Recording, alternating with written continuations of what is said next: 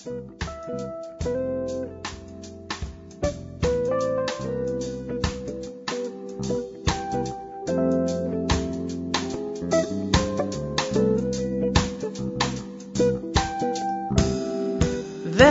till avsnitt 36 av Sångarpodden. Avsnittet spelades in i mars 2021. Det här avsnittet sponsras av Icing, din sångtränare på nätet. Proffsen fixar övningarna och du sjunger med. Det är dags nu för dig att satsa på din röst.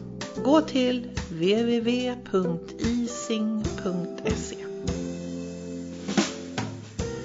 En lyrisk tenor med hjärtat hos operakonsten. Han har en väldigt vacker röst tycker vi på Sångarpodden. Vi gillar också hans textning. Man hör nämligen ovanligt väl vad han sjunger om. Vi väntar på Mikael Axelsson.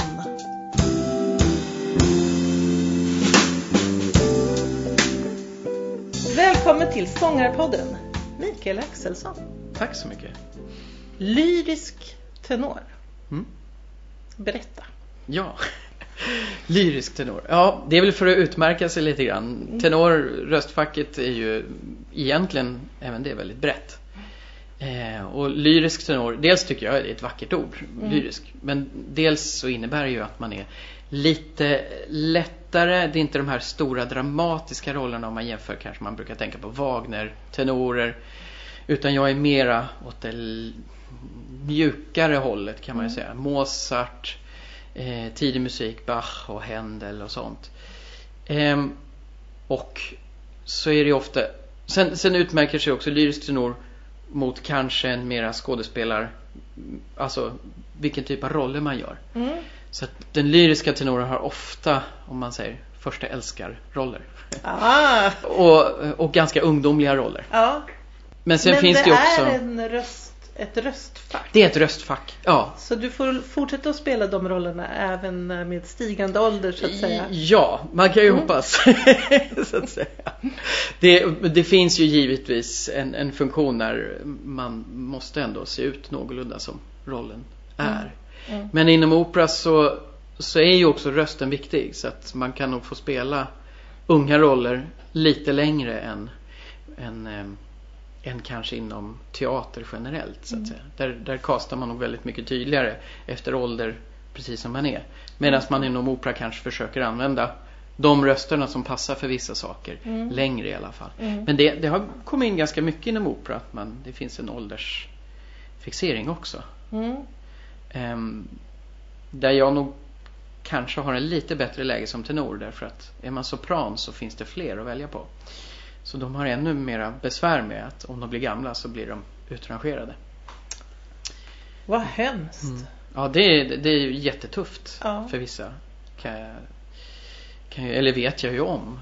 Ja. Eh, och där är det väl så att man har lite lättare som tenor för att det är färre som, som sjunger tenor. Om man jämför eh, inom opera i alla fall, inom röstfacken som fördelningen så skulle man väl säga att eh, på damsidan så är det vanligast att vara sopran. Mm.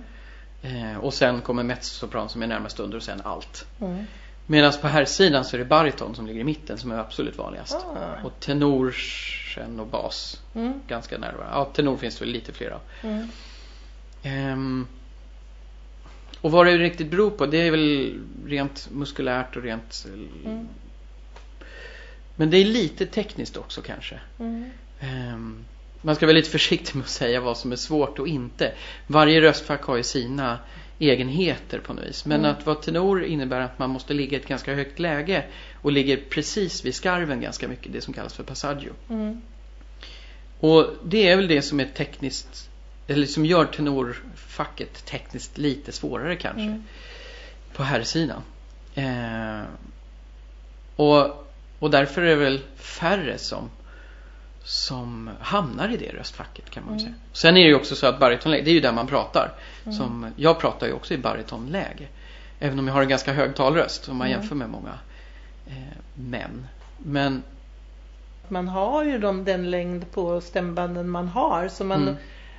har ju en tenorröst respektive en baritonröst eller? Absolut. Ja, men menar du att man ändå kan Ehm, Det finns ju träna sig till Man kan träna sig till vissa saker. Mm. Eh, sen kan man ju sträcka rösten, eller man kan ju till och med pressa rösten åt ett håll dit den inte vill. Och det tror jag egentligen inte är bra. Mm. Det kan man ju höra på vissa som kanske har försökt och så funkar det ett par år men sen Ja. så faller det.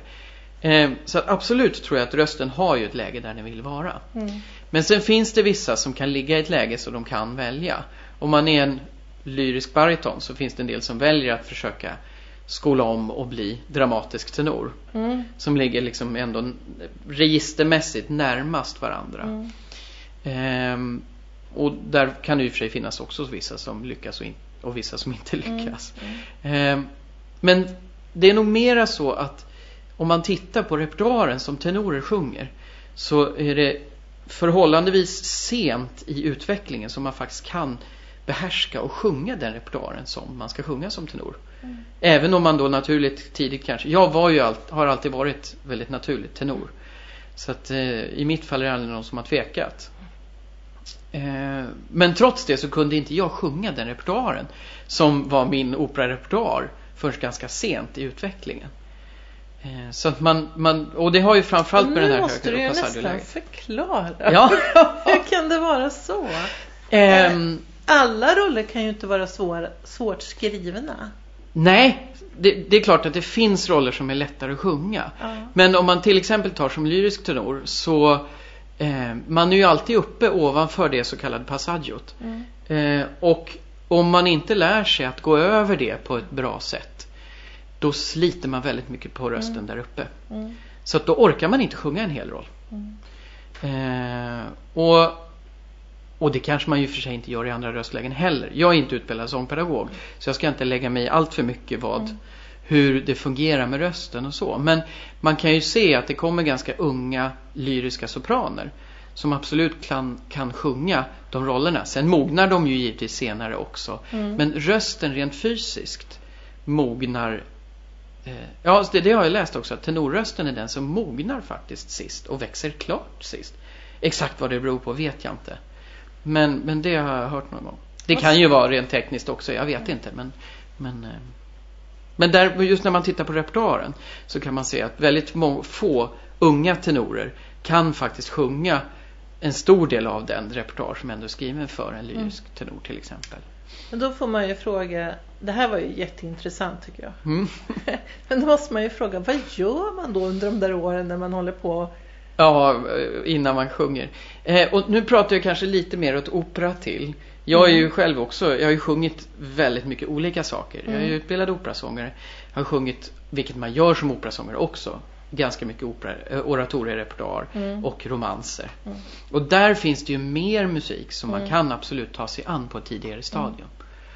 Ehm, så att eh, om man inte har, nu hade jag ju en relativt självklar höjd tidigt.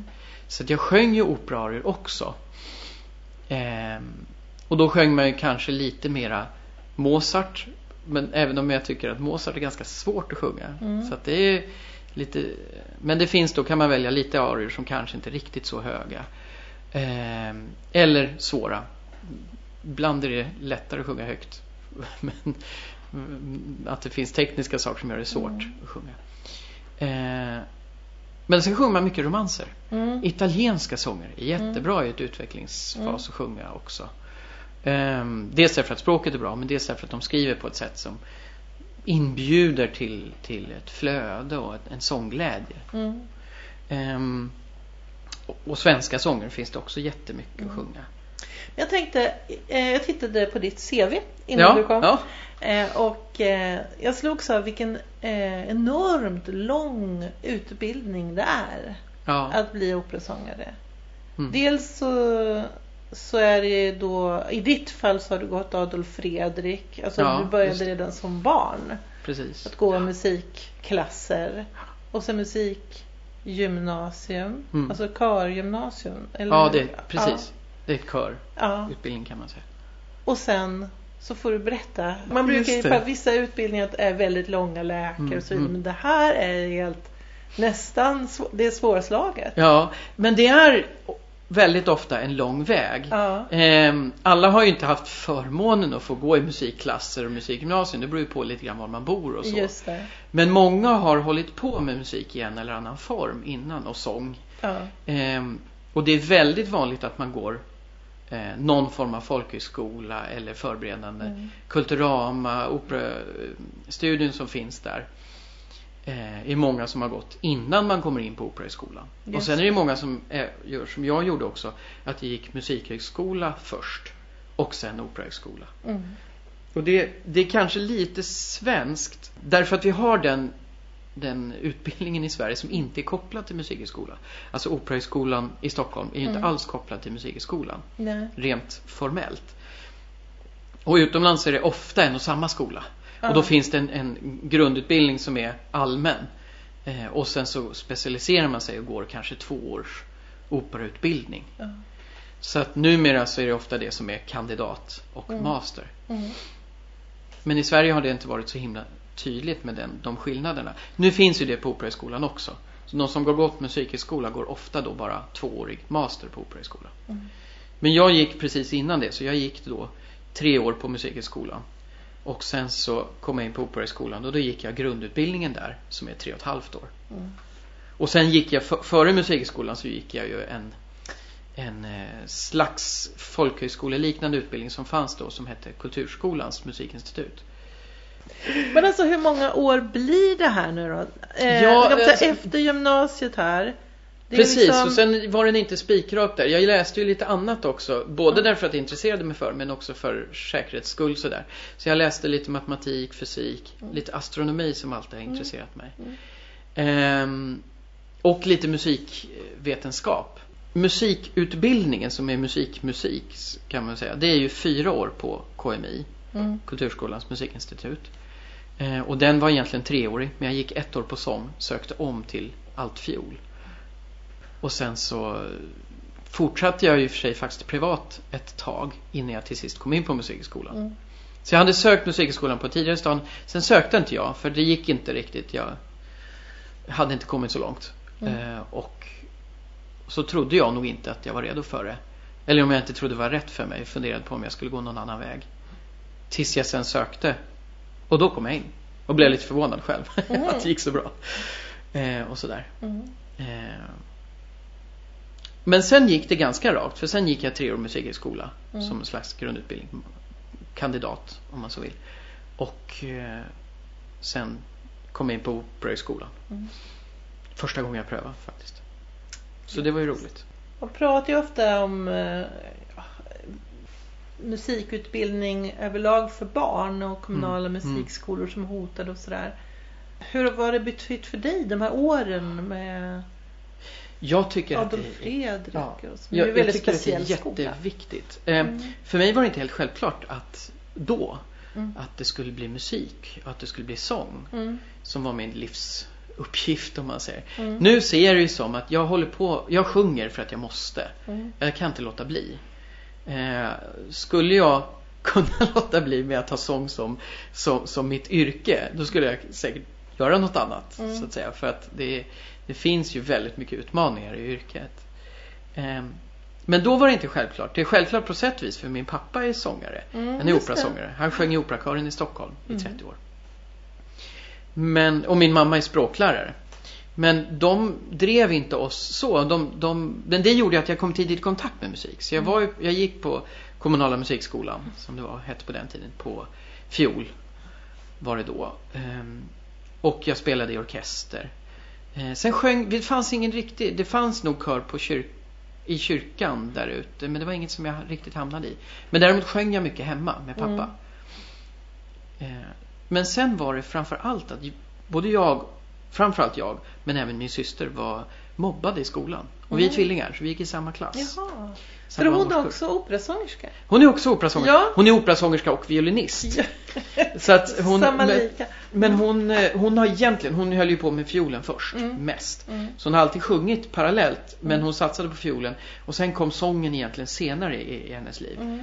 Ehm, och så att sen har hon gått kompletterande utbildningar. Men hon har inte gått operaskola som jag har gjort.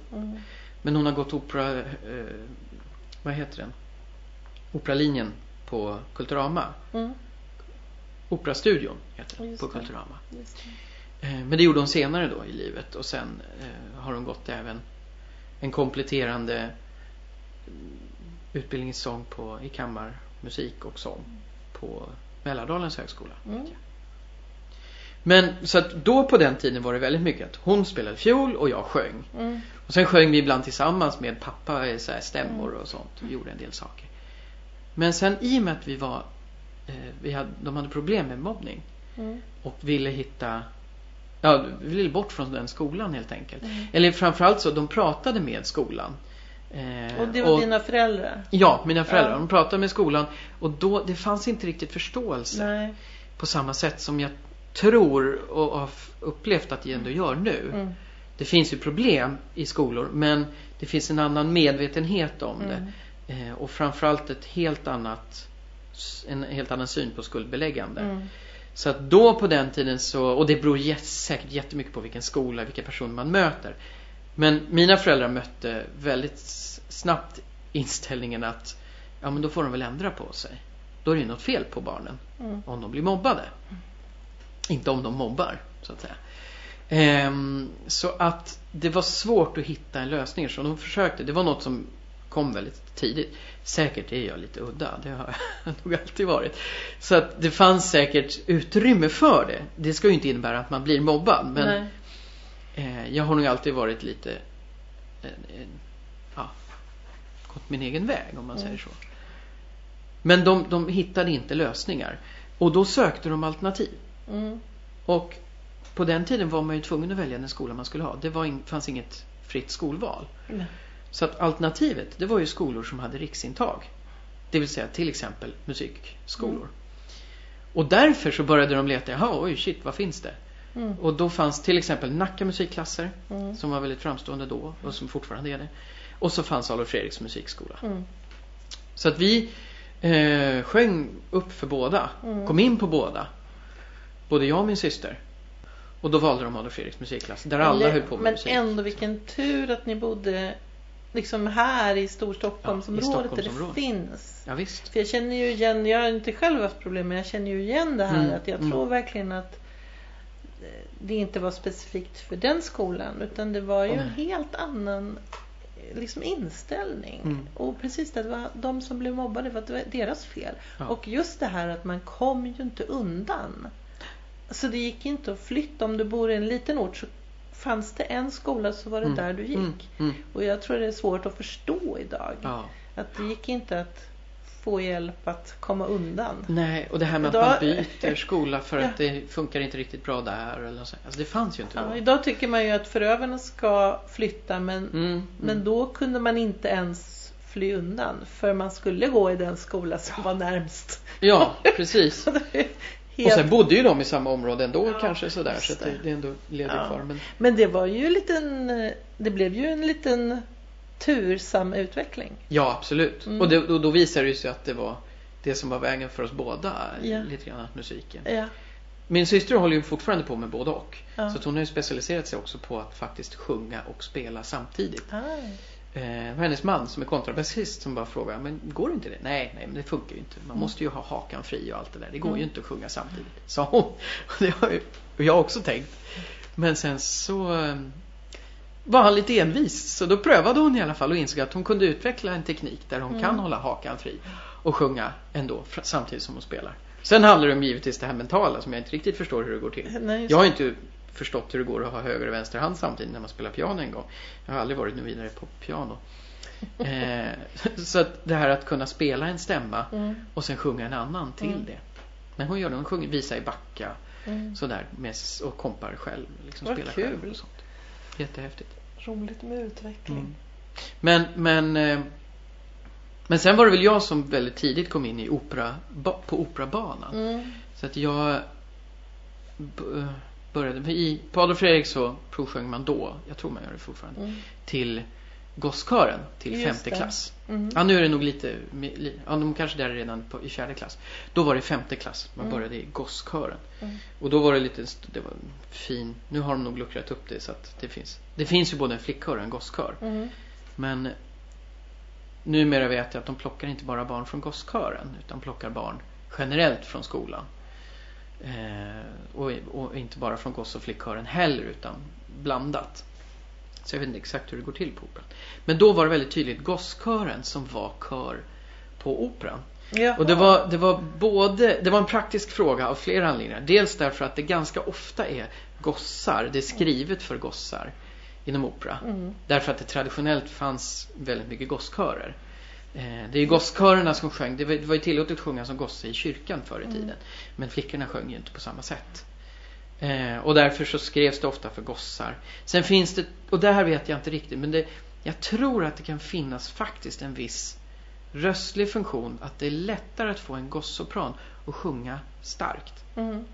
Det kan ju vara bara att man odlar det, Ja, så att det säga, som en vara. grej. Men jag har för mig att jag har hört någon som har sagt att rent muskulärt utvecklingsmässigt Mm. så är det lättare att få en gossröst att bli starkare då i tidigare Det stadier. här ska vi gå till botten Ja. eh, i podden. Vi måste se till att bjuda in någon som kan prata om barns röster. Oh, och det finns ju de som kan. ja, Jag- det skulle vara jätteroligt. Absolut. Ja. Och jag, vet, jag har en, en god vän som också som hon har ägnat sig åt barnröster. Mm. Hon är ju sångerska själv. Mm. Men har jobbat mycket med barns röstliga utveckling. Eh, jag tror i och för sig att det har ju handlat mycket om till exempel i förskola och sådär. Där man är generellt idag ganska dålig på att kunna ta en förståelse för barnröster. Mm. Med, barnrösterna är ofta väldigt hög, Mm. höga i jämförelse med våra röster. Även i jämförelse med damröster. Mm. Så att det är väldigt lätt att som, som um, damsångare, alltså som kvinnlig Mm. barnskötare sjunga i ett för lågt läge. Medan jag har förstått det som att, att killarna då som sjunger, eh, deras visläge ligger närmre oktaven under. Ja, just det. så att det är lättare för barnen att ja, kanske ändå falla in i att sjunga oktaven Ja. ovanför. Och då det. hamna i ett naturligare läge. Ja. Ehm, men sen har jag i och för sig märkt på mina egna barn att de försöker hitta mitt läge ibland. Så jag vet Mm. inte hur mycket det stämmer. Nej. Men, men att man i alla fall, det är lätt att, att hitta ett för lågt läge. Så det Mm. förstör barnens röster. Mm. Hon har i alla fall jobbat mycket med det. Jag vet inte om hon kan det här också. Mm. Men Karina Aronsson som är, Ja, komma. hon är, ehm, Ska bjuda in det? henne. Eh, alltså, vad, vad heter det när man jobbar med det ut, ur ett, eh, vad heter det, fysiologiskt perspektiv. Alltså man är inte bara talpedagog utan man är, jag har glömt ordet. Logoped. Logoped. Mm. Tack. Så hon är logoped. Mm. Hon har jobbat och forskat just på barns Ja, röstliga utveckling. Vet jag. Men hon sjunger jättemycket i kör också. Mm. Väldigt duktig sångerska själv. Mm.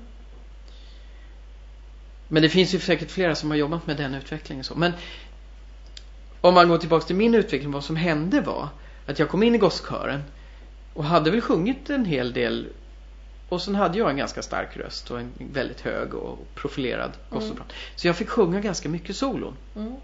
Så jag blev snabbt en gossopransolist. Åh, säga. spännande. Ehm, och gosskören på den tiden leddes av Jan-Åke Hillerud Mm. som är en fantastiskt framstående körledare för barn. Har gjort jättemycket och har skrivit otroligt mycket arrangemang och Mm. sånt där. Man ser väldigt mycket på AF-noterna så här så står det arrangemang. Mm. Jan-Åke Hillerud. Eh, men han var också kormästare på Operan. Men det gjorde att det blev väldigt naturligt för honom att vara körledare då både för den vuxna kören på Operan och för barnkören. Just det. Och det var ju gosskören Just. som han plockade dit. Och sen var det också tradition då på den tiden att gosskörerna skulle sjunga på Mm. operan. Det där har vi kommit ifrån lite grann, vilket är väl kanske bra. Mm. Ehm, men Men ofta, var det kul då? det var jätteroligt. Ja, var det det, var helt då du fantastiskt. blev... eh, Det var då jag blev frälst, Ja. absolut. Ja. Jag hade stått på operascenen innan för att pappa hade plockat med mig. Ehm, så att de frågade ibland efter barn som ändå var vana vid det ljudet och, och, och den musiken och Mm. allt det där. Eh, framförallt kanske liksom ljudproduktionen var någon som stod nära en och, Mm. och sjöng starkt. Så jag fick göra en barnroll när jag var fem år gammal bara. Mm. Så var ett av barnen i Medea Oj. med så här lockig peruk och ja, det var jättehäftigt. Så att jag ja. hade liksom upplevt det lite grann. Och, och hela den här miljön kring det. Jag fastnade, Mm. tror jag, lite grann redan då för det. Men framförallt då när jag kom med gosskören och var Mm. där och fick sjunga och agera. Och då fick man Mm. lite kanske någon roll ibland. Det var ju jättehäftigt. Mm. Så där fastnade absolut Mm. viljan. Där, från det så visste jag ju vad jag ville göra i Ja. livet. Man måste ju bara berätta någon rolig historia. Mm. Sånt som händer när man i, operascenen, som man inte, eller operavärlden, som man inte alls kanske tänker på när man sitter och tittar på den. Medea var ju en, en, det är en djupt tragisk historia. Det är Mm. verkligen, hon mördar ju sina barn. Det Mm. vill säga mig då, ett av dem. Det. Det var jag också, någon äldre kille. Han var väl åtta år gammal tror jag. Eller något sånt där. Sju, åtta. Och jag var fem. Eh, dels så var jag, berättade jag glatt för alla andra. De, de frågade, är det, inte, är det inte läskigt att vara liksom en sån? Nej, nej, nej, nej. Men när hon mördar oss, då är vi redan på väg hem i taxin. Så det är ingen fara. För hon kommer sen bara ut, eller som den var Just gjord då, så kom hon bara ut med något som var blodigt. Eh, Filt som hon hade haft. Det var väl ändå omtänksamt om er. Ja, Så precis. Var fem år och, och bli mördad.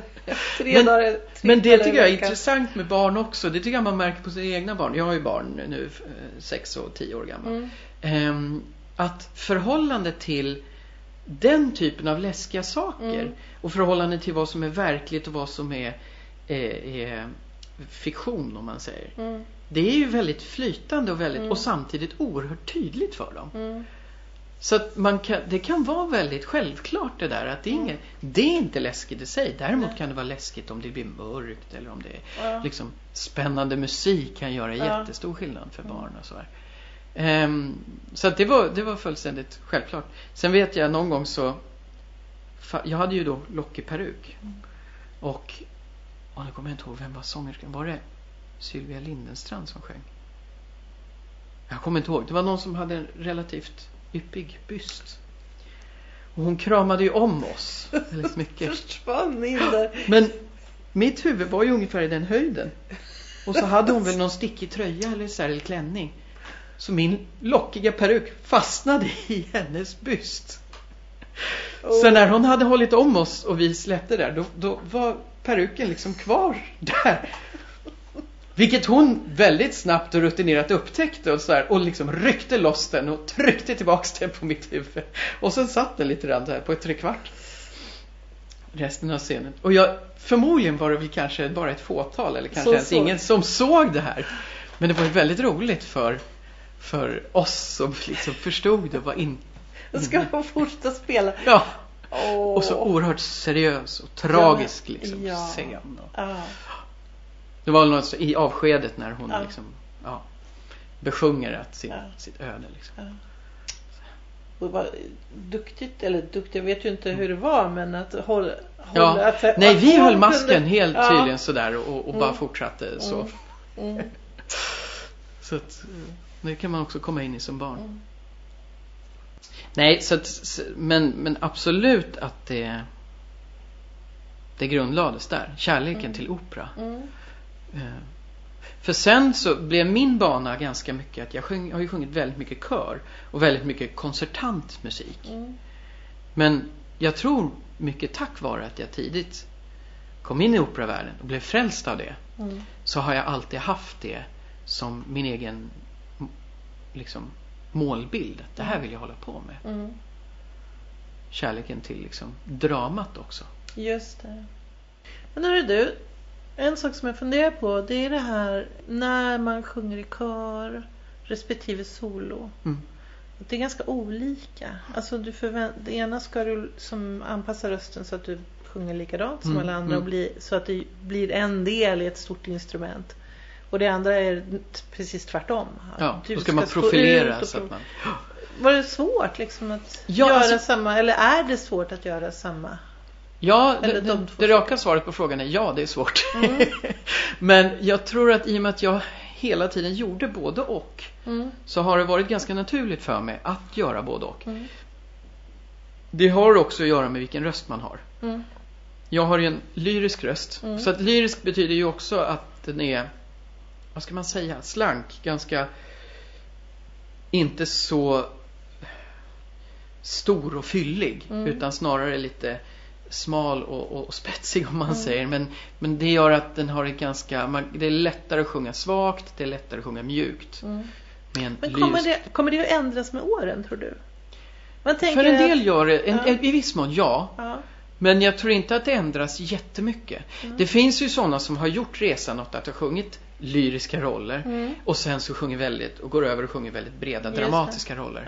Ja. Ehm, men ofta tycker jag ändå att man har hört i tid, om man lyssnar i tidig stadium så kan man höra att det finns frö till den här lite fylligare rösten. Gösta Winberg är en sån tenor Ja. som sjöng, han sjöng i Mozart-roller väldigt lätt och man hör att det är en väldigt, väldigt lätt röst i början. Man nästan, när han sjunger på höjden så är det nästan i falsett i vissa, och det finns någon tidig inspelning han sjunger Bohem.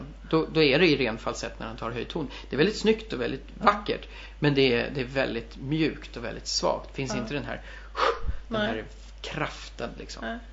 Men man hör ändå på hans sätt att ta ansatser tycker jag att det finns en, en, en, en slags djup i rösten. En grovhet, en, en Ja. ansats till det. Sen ska man ju också komma ihåg att den typen av sångare, han sjöng heller inte de allra mest tyngsta roller. Även om han blev Wagner-tenor Mm. så sjöng han det också på sitt sätt lite grann. Så det finns ju någon som sjöng det mycket, mycket mer dramatiskt. Mm. Även de rollerna. Mm. Ehm, Finns det någon sån här, jag tror att jag har hört att folk som säger nej falsett det får man inte sjunga. Ja, det Är är det absolut de som säger. Ja. Det finns också eh, de som säger att nej men det gör jag inte, fast det gör de. Eh, eh, så- alltså jag, jag Men tror att, varför får man inte det? Alltså det är en del av en röst. ja, det är en Alltså- del av, därför, jag tror att det finns, eh, dels finns det funktionen att i, i begreppet, vad menar man? Ja. Eh, och, och menar man liksom funktionen, för rent funktionellt, de är inte riktigt säkra på vad det är tror jag, men rent funktionellt så innebär det att man använder en smalare del av stämbanden. Mm. Så att inte hela ytan är igång. Mm. Men sen kan man se på röster som utvecklas mycket att, att det där är inte en tydlig övergång heller alla gånger utan det, det sker mer successivt. Mm. Och tittar du på countertenorer som till exempel sjunger i falsett hela tiden så, så jobbar de också på ett sätt så att stämbanden, det blir en större del av stämbanden som Mm. kommer med när de sjunger. Ehm, så att det är inte jättetydligt. Men funktionellt så använder man en mindre del av stämbanden. Eh, och det innebär att så ljudet blir också mindre, det blir Ja, just det. svagare. Mm. Eh, och, och, och odlar man det inte, då blir det också ett ljud som blir ganska skarpt och, Mm. och ja, låter oskolat om man Mm. säger då. Eh, och det är det som jag tror att man säger att det man inte får använda, det är en oskolad falsett. Ja.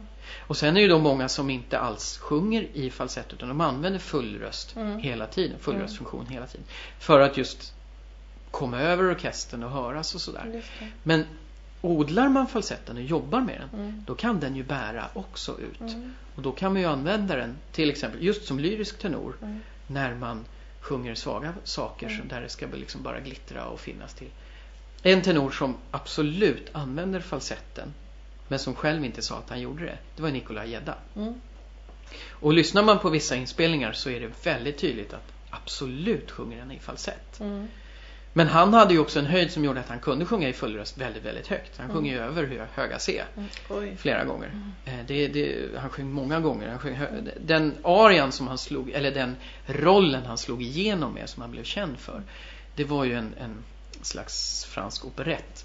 Den heter... Eh, äh, nu kommer det inte bara för det. Men det kommer säkert lite senare i samtalet vad den heter. Men den innehåller i alla fall ett höga D. Mm. Som han smäller dit med fullständig självklarhet och i full röst. Det är inga Ja. som helst snack om att det är i full röst. Ja. Men sen sjunger han ju andra arior. Och just till exempel i den franska repertoaren finns det mycket sånt där det finns väldigt mjuka partier. Mm. Och där man har att han utnyttjar falsetten väldigt skickligt och går över och sjunger mjukt. Mm. Och sen kan han gå in och sjunga starkt och ta in fullrösten i samma läge också ibland. Så att han liksom leker med det där. Mm. Sen tror jag att han använder begreppet falsett i betydelsen oskolad falsett. Mm. Det vill säga att han sa att nej men jag sjunger aldrig falsett. Nej. Utan det har vuxit ihop. Så för honom Ja. så var det att han, men funktionsmässigt om man Mm. skulle titta på hans stämband så är jag övertygad om att man skulle sett att det här är Mm. falsett. Mm.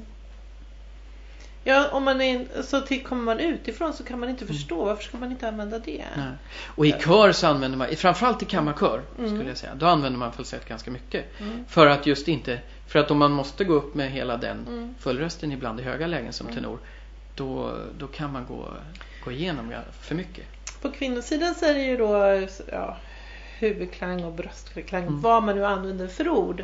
Men där är det ju ofta så att många sjunger bara i huvudklang Mm. och har svårt att hitta den här fullröst. Ja, precis. Eller har aldrig bröströst, använt liksom. och det På något sätt så tänker man att man har en röst och man skulle vilja använda hela dess Mm. Potential. Ja. Och sen kanske inte alla kan använda alla delar. Och det kanske inte passar överallt och så vidare. men- Nej, precis. Eh, I, i, I mitt fall med den klassiska sången så är man ju ehm, Det är ju färgat oerhört mycket, framförallt inom opera, så är det färgat väldigt mycket av att det är akustiskt. Mm. Så att man har inte mikrofonen till hjälp. Nu har man ibland det idag i alla fall i vissa sammanhang. Om man sjunger opera till exempel i en utomhusproduktion då har man ju väldigt ofta mikrofon. Mm. Eh, inte alltid. Jag har jobbat i sådana lägen också när det inte har varit det. Orkestern är förstärkt men jag sjunger utan. Men det är en annan. Men, men som, som grund så ska man ju med röstens hjälp Mm.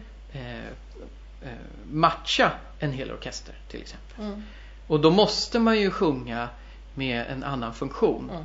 Då kan man inte kanske leka med rösten riktigt på samma sätt Nej. som man gör när man faktiskt har en mikrofon och kan Just göra det. andra saker. Ehm, och sen, sen är det också lite, sen är det, men det är kanske något som mer har blivit att den klassiska sången har ett, på något vis en väldigt, väldigt hög förväntan på att prestationen ska vara väldigt mycket så som det är, har varit som det står i noterna och som, det, som förväntan är från innan som man har hört andra sångare göra. Ja. Eh, så att om man i ett jazzsammanhang tuppar lite grann på tonen, det spelar väl ingen roll. Men om jag gör det som tenor när jag ska ta ett höga C, det är absolut inte accepterat. Och den förväntan färgar väl också hur man förhåller sig till Mm. teknik lite grann.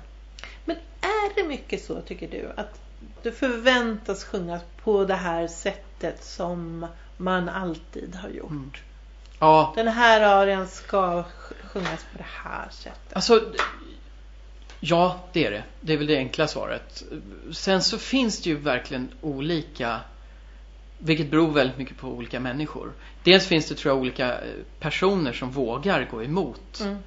kutym och så och som då också hittar saker som är helt annat. Den första, det, det säger man ju också, nu vet inte jag exakt hur den funktionen ser ut. Det kunde ju bara de veta som har fått höra det. Men den första tenoren som sjungit höga C i full röst, det var ju av ett misstag, han var sjuk. Och sen vet jag inte hur mycket av det här som är skröna, men det finns återberättat att det var en som skulle sjunga i en fransk opera, om det var Celie de Mere ur, ur Faust, tror jag Mm. en tenor som skulle sjunga och var sjuk. Och i panik bara tryckte på och, och, och kom upp till den här tonen i full röst. Mhm. Och sen så tänkte jag att oj, oj, oj, det här var väl en katastrof. Men, men det var ju en jättehäftig effekt tyckte publiken. Och sen så blev det en tradition att göra det. Men det är fortfarande så att tonsättare senare, det här är ju mitt på 1800-talet, Puccini som så sent på 1900, eh, början av 1900-talet där någonstans. När han skrev Bohem Mm. så var höga C i arian inte med. Mhm. Utan den har kommit till av en sån tradition som finns. Så det är inte skrivet.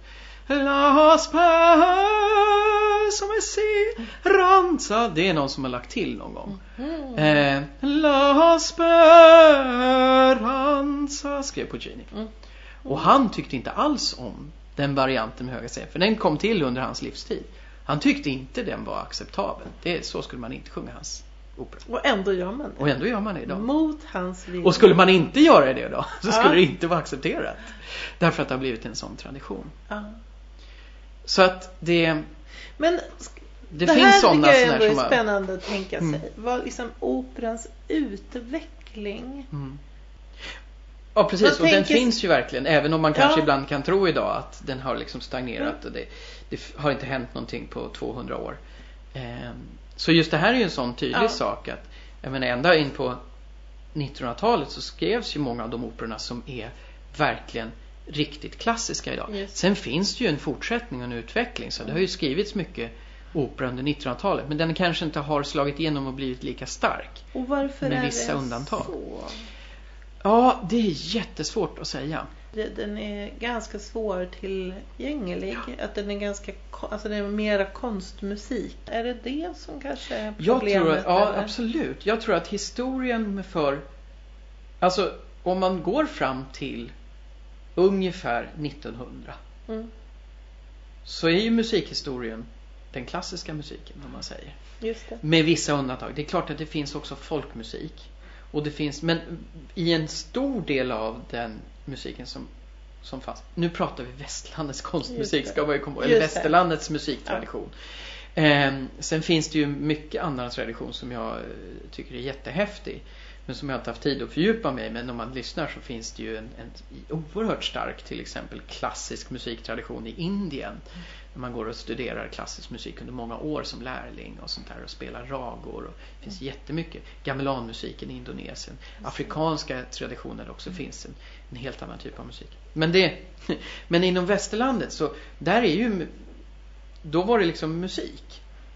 Sen så eh, händer det ju någonting under 1900-talet eh, av flera anledningar. Dels så föddes ju ungdomskulturen, då är vi lite senare, då pratar vi kanske 60-tal. Men innan så var man ju inte ungdom på samma sätt som man fick bli då.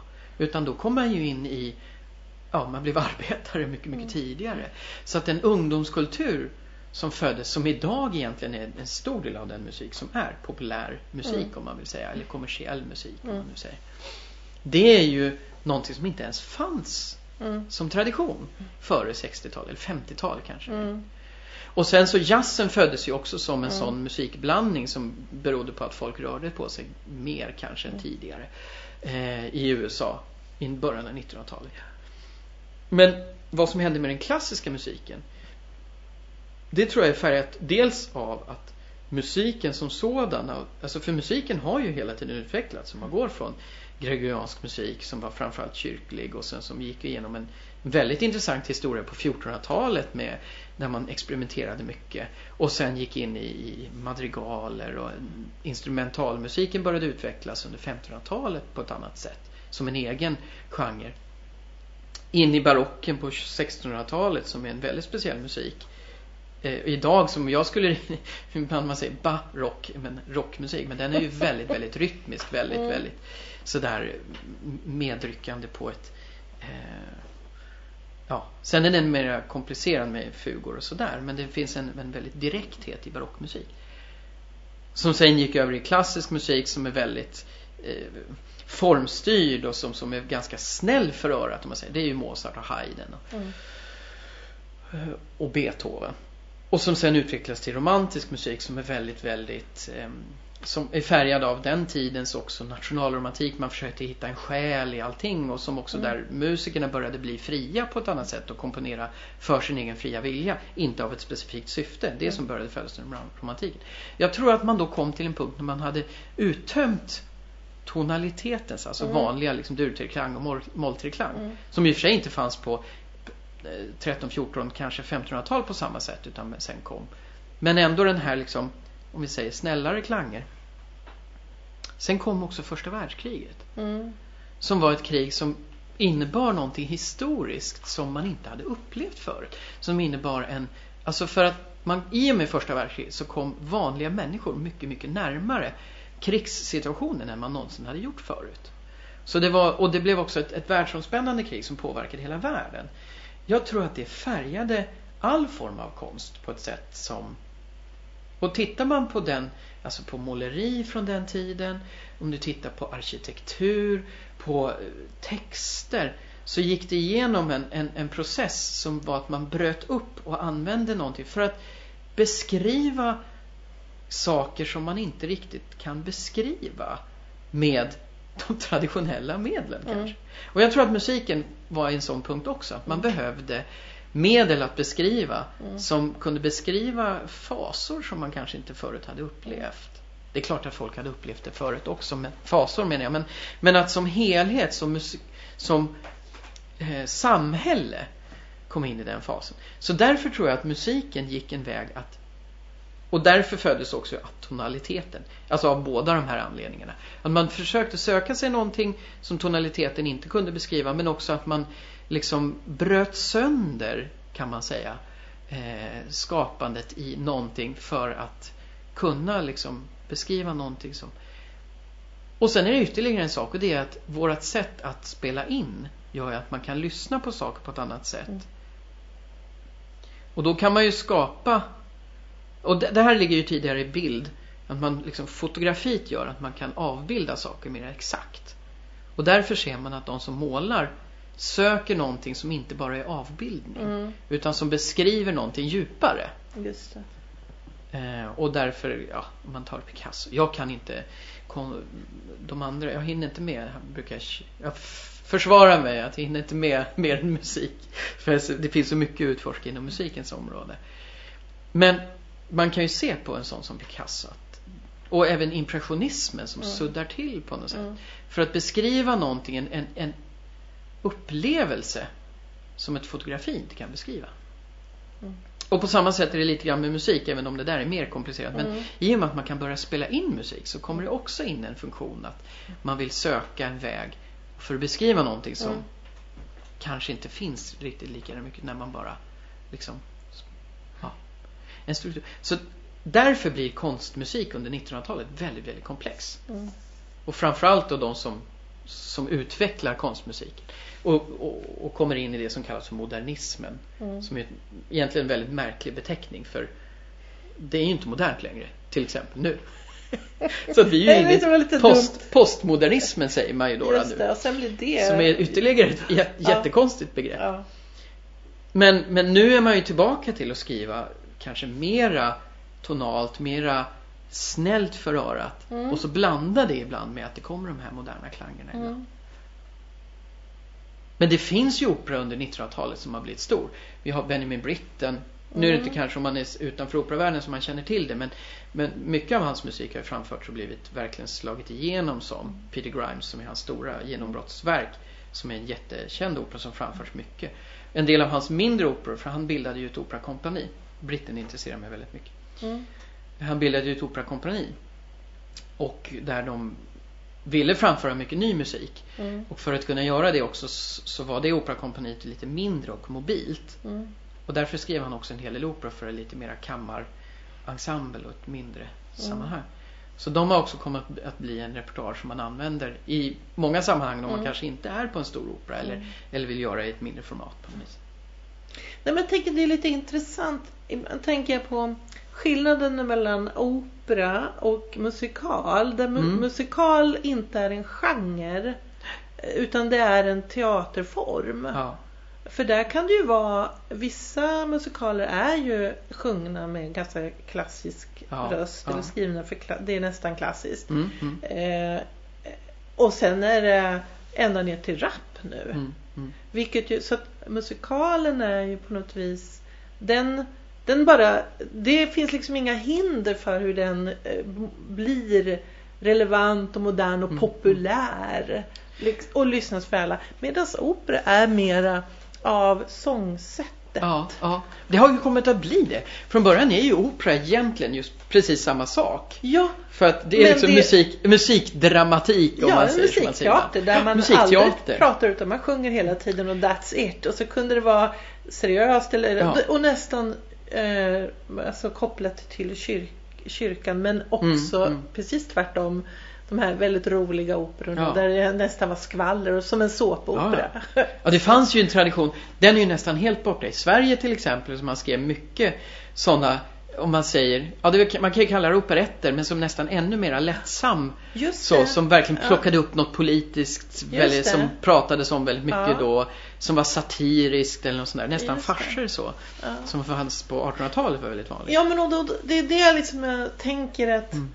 För jag tror för väldigt många människor så är opera eh, om man inte har ett Mm, tradition mm. och vana att gå så känns det ganska svårt att ta till Mm, sig. mm. Och jag tänkte för nu har ju ehm, det varit en serie på TV som är lite sådär att eh, artister från andra Just popartister ska gå, gå på opera och, hur, och sen är det mycket Och sen är det eh, Rickard eh, Söderberg där som försöker leda in dem i, eller jag har Ja. inte sett dem men jag har sett om dem så. Ja, nej men jag såg ett program och jag tyckte att det var ganska roligt för att han tar ju fasta på eh, det här som också är en del av operan. Att man Mm. får klä ut sig, att man får Mm, mm. Eh, att, det, att det är glamoröst kan det Ja. vara och det att man går å, hela vägen. Det Ja, finns visst. ingen gräns Nej, för hur, hur tokigt det kan bli så att säga. Eh, Och det är också, kan ju också vara en del av operan. Mm. Och då, det är lite grann där han rör sig. Men sen såg jag också att klar- självklart blir folk kritiska till det då. Tycker Ja, att det där var inte seriöst. Och jag tycker nog att ja, jag tycker att det är härligt alltså. Man visar, måste ju kunna göra alla möjliga saker. Mm, Och det här är en. Ja, Eh, Men då tänkte jag också på det, det här att, att det är lite synd att det blir en sorts distansering Mm, mm. till, att den följer inte med den här populär populärkulturens strömningar på samma Nej. sätt som musikalen. Ja, och som operett som du Mm. sa. Den, det är ett bortglömt det är helt Det är helt fantastiskt operett. Jag fick chans att göra det i Mm. Tyskland. Jag jobbade Mm. två år, på ett hus i Tyskland. Och det innebär i Tyskland att man, om man är hör till den så kallade fasta ensemblen. Ehm, då gör man lite av varje, eller det beror på lite grann vilket hus man är på Mm. och vilken funktion man har i ensemblen. Ja. Men jag hamnade ju på ett så kallat Landesbühnen. Och det innebar, eller det innebär i Tyskland att det är ett, en, ett teaterhus som tjänar hela Bundeslandet eller hela regionen. Mhm. De är uppdelade i Bundesländer, Tyskland. Så att Landesbühnen, det är till för hela Bundesland. I Dresden där jag var så var det hela Sachsen då.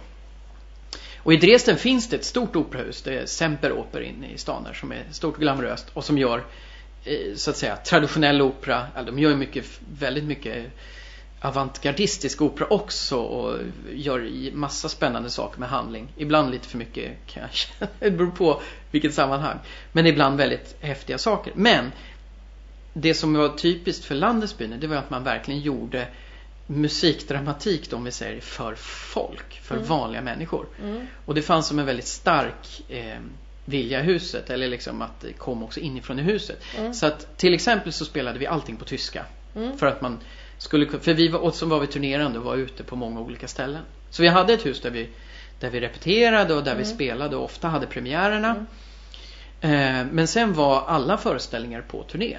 Så att de olika, de olika orterna ute i Sachsen kunde då beställa och välja och braka från den här listan av de Mm. olika produktionerna som fanns i huset. Beställa in då olika och säga den här vill vi ha tre föreställningar av. Och så åkte vi ut och spelade eh, vid olika datum. Så att vi var alltid ute på turné så Vad spännande. Var oerhört spännande, Ja. oerhört krävande. Ja. Men också oerhört spännande.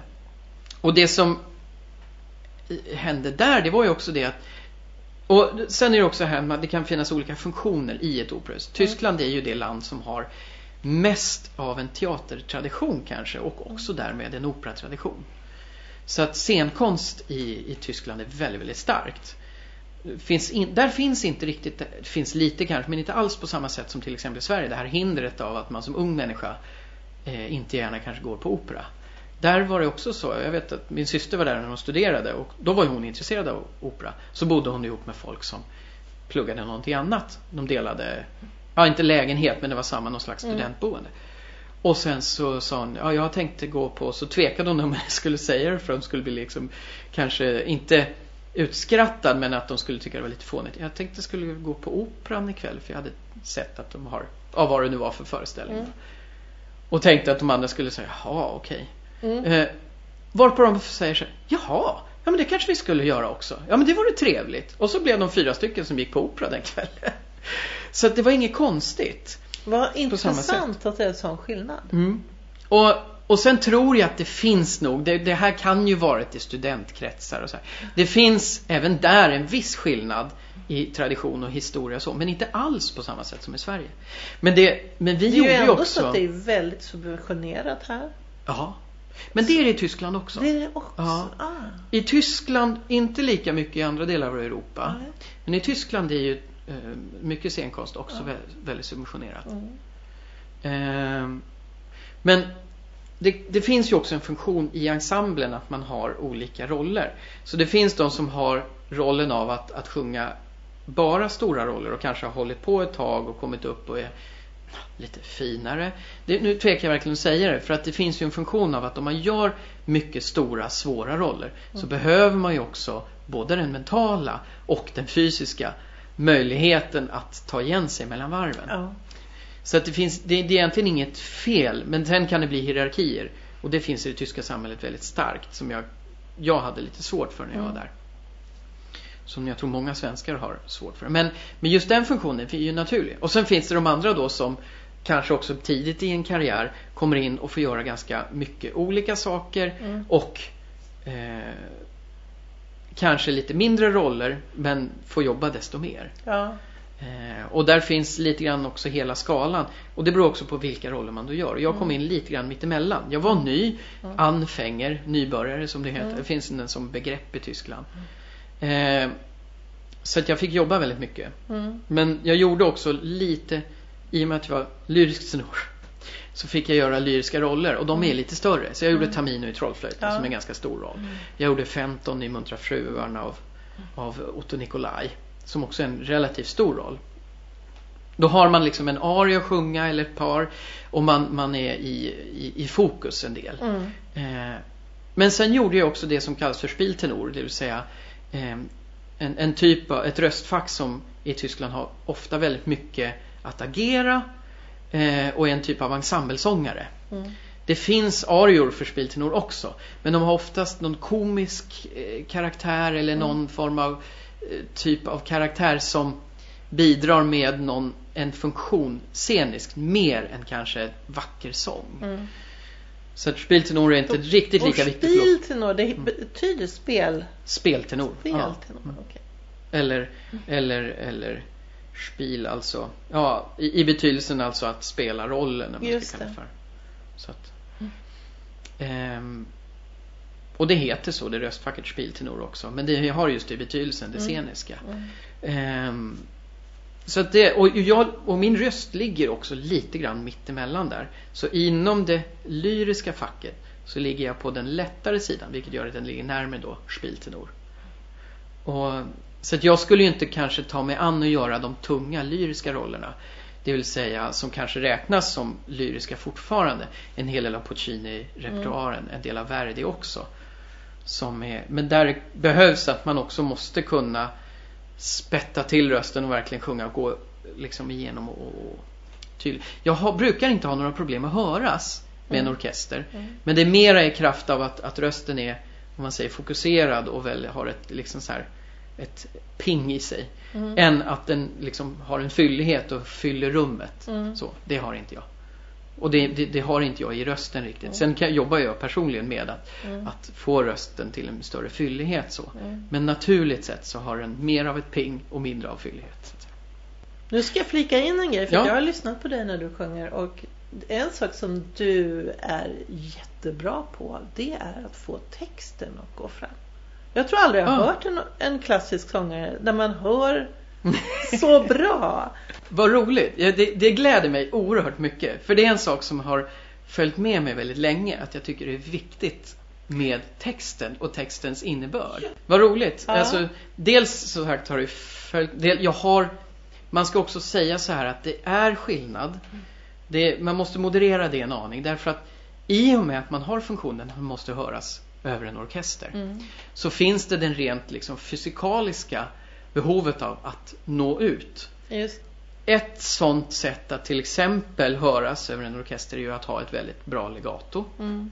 Och det är inte alltid lätt då. Då måste man Då ibland göra avkall att på text- texten. Eller man måste inte nödvändigtvis göra avkall på texten. Men det kan vara svårt att ha samma tydliga textning. Mm. Ja. Om man också ska ha ett väldigt bra legato. Mm. Ehm, Alltså jag ska säga att jag är bara fylld av eh, beundran för eh, operasångare. Jag förstår ju inte hur man tränar rösten. Jag förstår Nej. inte hur det går till. Hur kan en Ja, människa ja. stå på en scen och låta så, så att det fyller en hel Mm. eh, så, opera, alltså det, och just som du säger, över en orkester. Ja. Ja, så att jag, I rest my case. Tänker, det är också intressant att se, för det finns det också fysikaliska skillnader. En sopran till exempel. Om man nu ska ta, jag tror faktiskt att det är så att tenorrösten, om, man nu, om det nu är tekniskt snäppet svårare att ändå bli klar på något vis som tenor. Så har den ändå fördelen att den ligger bra till, eller kanske till och med bäst till, för att faktiskt texta tydligt. Mm. Därför att en sopran, rent fysikaliskt har jag lärt mig, har inte samma möjlighet. Och det här är rent akustiskt fenomen. Eh, att man hamnar i ett register som ligger ovanför. Eh, texten beror ju av olika formanter Mm. i, i, i tonen. Eh, för att tydliggöra vilken vokal man sjunger Mm. eller vilken. Ja, vokalerna framförallt i de formanterna. Eh, och som sopran hamnar man ibland ovanför den första av de formanterna. Ah, Och framför allt för att, att kunna komma upp så måste man öppna också på ett sånt sätt så att den formanten hamnar under registret. För då åker Ah. den ner på något sätt Mm. när man höjer. det är en Mm. intressant aspekt. Så man kan inte texta lika tydligt Nej. som sopran. Sen kan man ju givetvis, lyssnar man på sopraner så finns det verkligen de som kan texta Mm. tydligt och de som inte kan det. Men det är ju ganska spännande att det rent fysiologiskt Mm. Är är skillnaden. s- skillnad och att det, blir, det inte Mm, helt enkelt är samma förutsättningar. Och för de som vill veta mer om formanter så kan ni lyssna på tidigare avsnitt av Sångarpodden. Det får ni leta reda på. Ja. Med Johan kanske, Ja. Johan Sundberg. Johan Sundberg.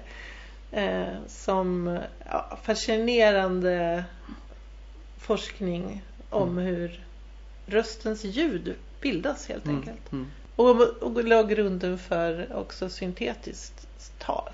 Just det. Så, Just det. ja, vilket ju är Där är vi väldigt starka i Sverige har jag förstått. Alltså det är en väldigt Ja, eh, en, en avdelning på KTH som ligger väldigt, Just väldigt långt framme. ja, det är tack vare hans forskning Mm, mm.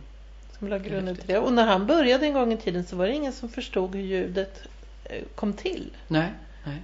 Man för, hade nog klart för sig att stämbanden var av betydelse. Mm, men mm. han skickade ju ner en, en mikrofon och lyssnade på Mm. hur stämbanden låter. Och de låter ungefär som en and eller en anka. Just det. Den Precis. typen av ljud är det. Och sen är det då alla Hela ansatsröret. ja, muskulaturen och, och också att vi är lite olika och därför så föds man med, sin Mm. röst. Mm. Och i alla fall den så att säga hur den, dess klang. Ja. Sen kan man jobba med den och få den bättre och så vidare. Eller sämre då. i Mm, så mm. fall. Jag tyckte det var väldigt, väldigt, väldigt spännande. Måste jag säga. Han har ju filmat, vet jag mycket, en av mina sångpedagoger som jag hade, eh, Erik Sidén. Mm, Jag gick för Erik i tre år. mm, En sån där gigant i Sångarsverige. mm. Ehm, och, och jag vet att han filmade Erik mycket. Alltså Mm. det var ju långt innan jag gick för honom men, men jag, jag har sett sådana. Jag Mm. har sett de filmerna och så. Mm. Det är ju väldigt fascinerande. Ja, jätte. Och just det här att eh, det är ju så att men man kommer ju inte, man kan ju inte göra någon revolution med sin egen röst för det men det är ju bra att man har en förståelse för. Det är Mm, så här mm. det ser ut, det är det här man kan jobba med. Det här kan du Ja. inte ändra, det här kan du ändra. Och eh, ja, jättekul. Det, ja precis. Nu, nu kommer jag att tänka på en sak som är, jag tycker är också väldigt intressant. Som jag har kommit till relativt sent ändå i min sångliga utveckling. Och det är det här, hur lär man sig sångtekniken? Mm, Ehm, och jag är en ganska analytisk person. Mm, Jag har ju läst matte och fysik Mm. och så här. Inte bara för att jag kände jag var tvungen utan därför att det intresserat mig. mm, Så att även när det gäller musiken och sången så är, tar jag mig an det på ett ganska analytiskt sätt. mm, Och även när det gäller det sceniska. Vilket ibland har hindrat mig. mm. Så jag har haft svårt för att bara slänga mig ut och göra någonting så här. Att jag har behövt ett, ett ramverk, eller behövt skapa för mig kanske en Mm. ramverk. Och behövt själv till exempel i en scenisk i ett sceniskt sammanhang ha en förståelse för var kommer jag ifrån och vad har jag för Mm. funktion. Varför är jag här och vad är så. Ehm, sen har jag ju lärt mig genom åren att, att skapa mig de ramverken. Men på ett tidigare stadium hade jag lite svårt för det sceniska. Mm. Just för att jag inte riktigt... Jag var tvungen att skapa mig, lära mig liksom de, Just det. de, eh, det är hantverket helt enkelt Mm. att skapa sådana saker. Om en regissör säger till en att ja men du så kommer in bara här och så hitta på något. Mm. Så. För det kan man råka ut för. Och så kan man råka ut för regissörer som har minutiöst bestämt Ja, exakt vad man ska göra och hur och vilka undertexter man har och allt det där. Så att, eh, men, men just med hur man lär sig så har jag insett Trots att jag då är en analytisk person, eller kanske just därför, så lär jag mig det röstliga genom att lyssna Mm. mer än, än genom att, att veta precis vad jag gör. Mm. För sen har jag lärt mig mycket om det anatomiska och det här. Mm. Men märkte att jag i en punkt, eller det är kanske där man är i utvecklingen också i viss mån. Men vid en punkt så kom jag, jag, kom till en punkt när jag kände att jag, jag behövde någonting annat än en lärare som talade om för mig hur jag skulle göra. Mm. Eller talade om men så. Och, och, och sen insåg jag att jag, och det gäller säkert alla sångare i, i mer eller mindre grad, men att jag ganska mycket färgades av att om jag satte på en inspelning med en bra sångare som, som jag har haft som förebild. Så, här. Så efter det så gick det ju väldigt mycket lättare att sjunga. Mm. Och jag kunde inte alltid sätta fingret på varför. Mm. Eh, Och jag tror att många sångare som har sjungit mycket kan uppleva det här. Mm. Men det blev väldigt tydligt för mig. Och sen så började jag söka en sångpedagog som var då mitt röstläge. Så jag hade jag haft, jag hade haft sångpedagoger som inte var mitt röstläge. Min pappa är ju tenor. Och det är klart, jag tog ju lektioner från honom när jag var Mm. liten. Det funkade förvånansvärt bra för mig. Mm. Att ta lektioner för min egen pappa. Det är ju inte alltid det funkar. Och min syster, för min syster gick det ju inte alls. Kanske var det därför jag blev mera sångare och inte hon på tidigare stadium då. Men, och sen så gick, men sen så gick jag ju vidare och då har jag gått för sopraner eller barytänger eller basar eller så. Men inte för tenorer. Förrän jag hamnade i Tyskland. Och då hamnade jag hos en tenor. Mm. Eh, och och det, ja, någon masterclass hade jag väl kanske haft med någon tenor innan. Men inte verkligen så att jag hade jobbat med en tenor. F- Ända sedan min pappa då. Så då, då kände jag där någonstans att oj, det här var ju bra. Han förevisade väldigt mycket. Han sjöng före. Så här tänker jag. Och så sjöng han. Eh, och han var heller inte, han spelade inte piano till eller kompa någonting. Utan alla övningar, när, när jag skulle sjunga en aria med honom då så gick han fram till pianot och så, så tog han en ton så här. Varsågod. Och så ska man börja. Men, men det var väldigt, väldigt nyttigt. Och framförallt just det att han så tydligt förevisade. Mm. Så här tänker jag. Och så sjöng han. Sen när jag flyttade hem till Sverige igen, då sökte jag. Jag gick tillbaks till någon pedagog jag hade haft innan, men som var bariton. Jätteduktig pedagog. Men jag insåg att jag ändå också fastnade Mm. eh, och, och behövde någonting annat. Och så sökte jag efter en pedagog som hade det, samma tankesätt.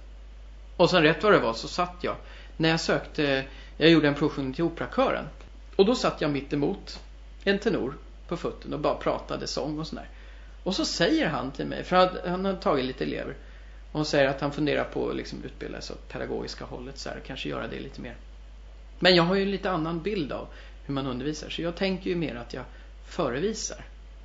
Och jag bara såhär, mm, jaha!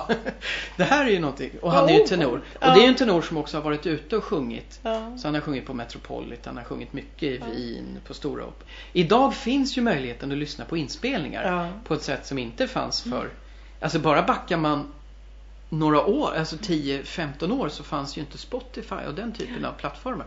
Idag när jag ska lära mig en, en Bach-kantat eh, och nu eh, kommer kanske några stycken i den klassiska sfären tycka att det är eh, fruktansvärt. Men jag går ju in och så gör jag ibland en spellista med några olika varianter av Mm. den arian.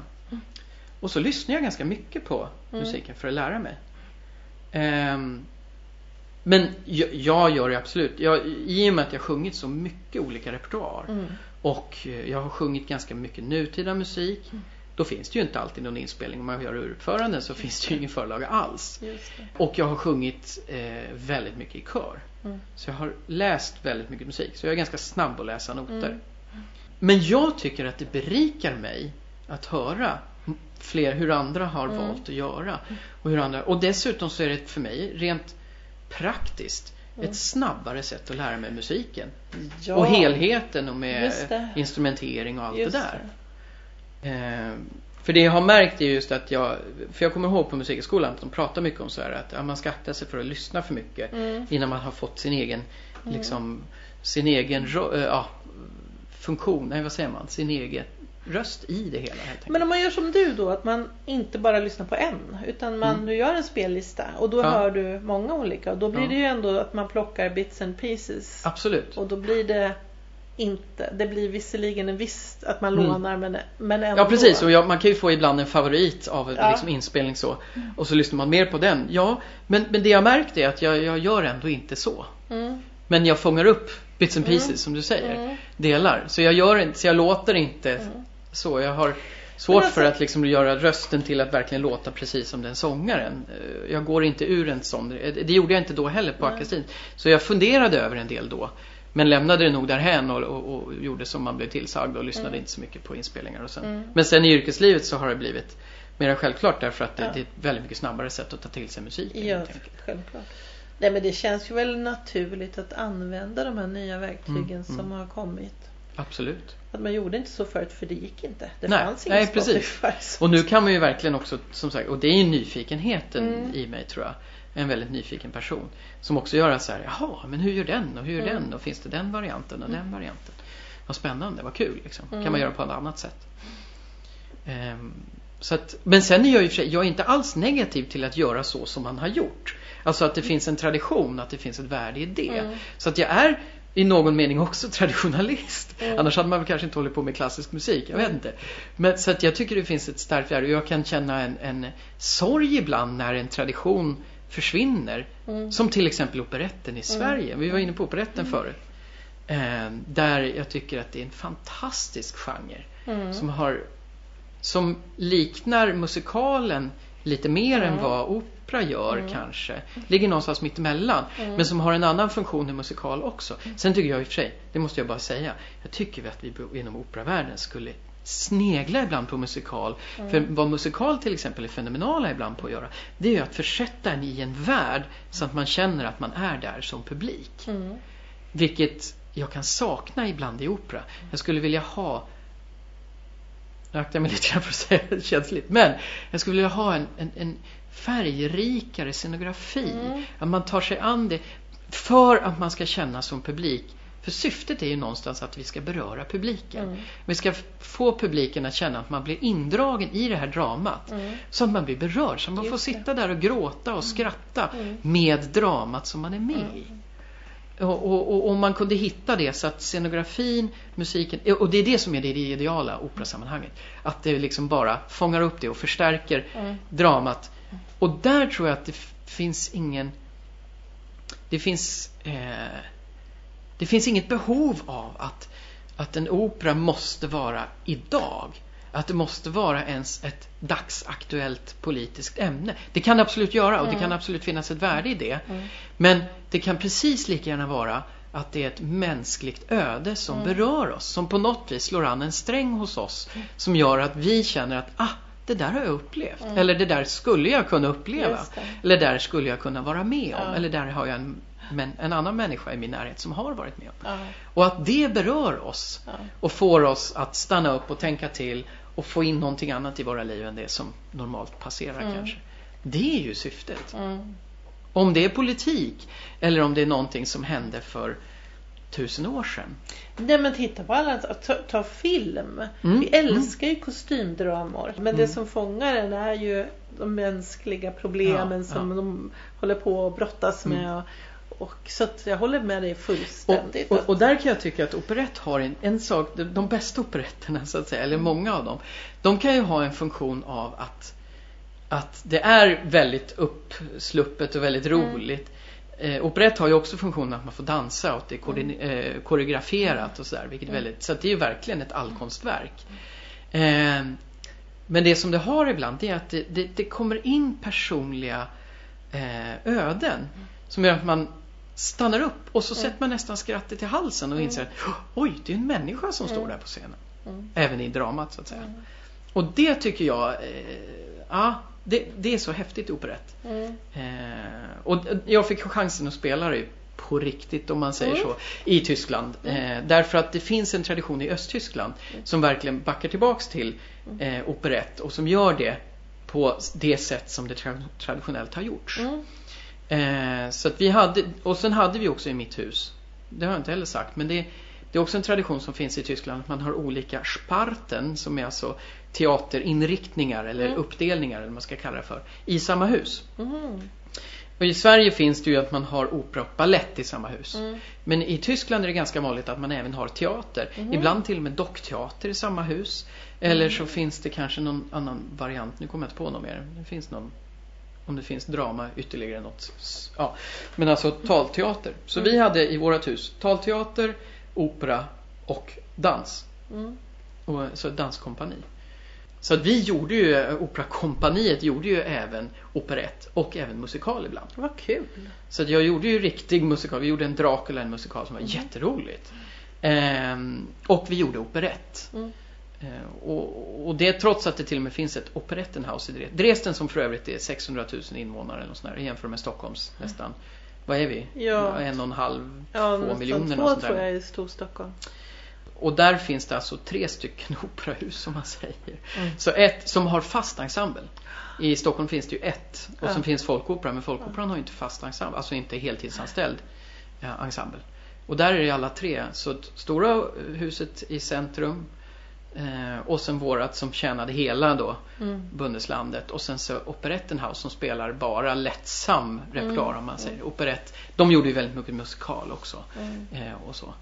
Men när vi gjorde operett, då var ju Danskompaniet med Mm. också och spelade. Sen gjorde ju de egna föreställningar. Mm. Men vi gjorde verkligen det. Samma sak i musikal. Då var de också med och dansade. Mm. Så att det fanns liksom dans och... Men sen det, nästan märkliga är ju att som solist i operett så sjunger man ju. Och det är, det är sångsolisterna som är de stora rollerna. Mm. Så då... Men man dansar fortfarande. Så man dansar ju ofta duetter med. Det är Mm. därför det finns väldigt mycket duetter i operett. Mm. För man dansar operetterna också. Mm. Och så dansar man. Och ibland komp- kompanjeras man av balletten bakom. Så man gör liksom solonumren framför. Och så står de där bakom och småskrattar lite grann åt hur taffligt man gör det där säkert. Men det fanns en oerhört stor respekt i och för sig. Därför att vi försökte ju. Vi, det fanns ju ingen i opera.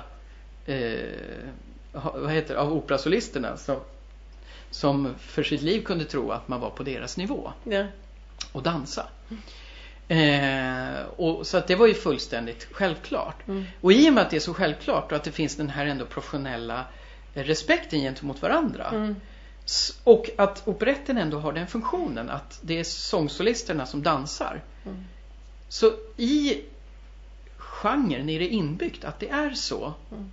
Och då finns det också den här respekten av att de vet, de ser så då, blir de, då, då får de en respekt om man faktiskt mank, lägger manken till och försöker och jobbar på det. Mm. Och lyckas man då ändå göra en, en, en, en bra koreografi som Mm. fungerar. Och det, det bygger också på att koreografen är medveten om det här. Så att de lägger en koreografi som funkar. Men också för att veta vad kan man faktiskt göra. Mm. För jag lärde mig ju där att jag kan göra, lära mig relativt avancerad dans Mm. och akrobatik. Jag gjorde ju lyft med, och det, det bygger ju på att jag gjorde Buffo-rollen som inte har riktigt lika krävande sångparti Mm. som de stora. De dansade också men de gjorde inte riktigt lika avancerade Mm. saker. Men jag lyfte ju damen och gjorde en, en, en snurr och satte ner. Mm. Och det är en ganska avancerad Mm. rörelse om Mm. man inte Ja, dansar visst. från början. Vi, man lär sig dans som operasångare också, det ska vi säga. Vi man har ju ett par gånger i veckan, tre timmar rörelse. Ofta när man går opera och det är mycket ballett i Mm. det. Så man lär sig det som grund för att ha hållning och allting. Mm. Och för att kunna dansa. Men, men det här är ju dans på en högre nivå.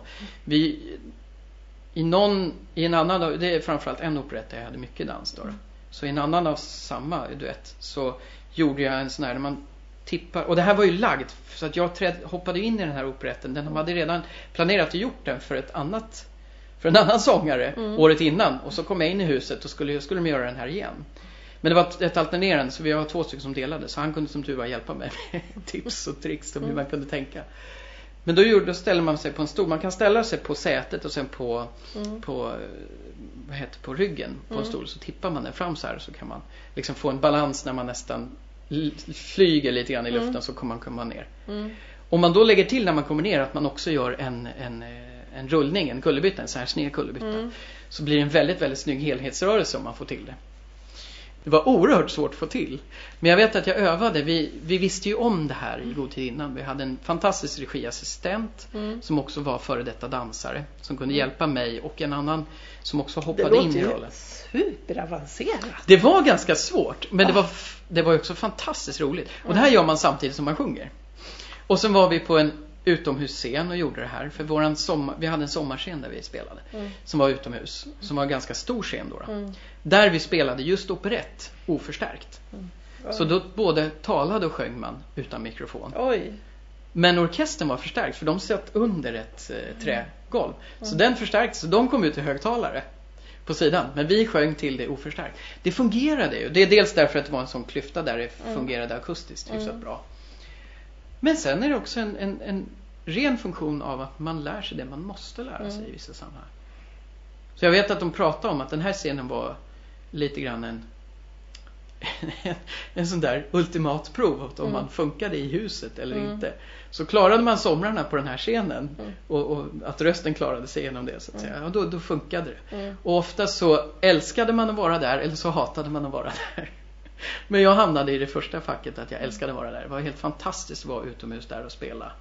Eh, även om det var krävande ibland så var det också en fantastisk upplevelse att spela utomhus.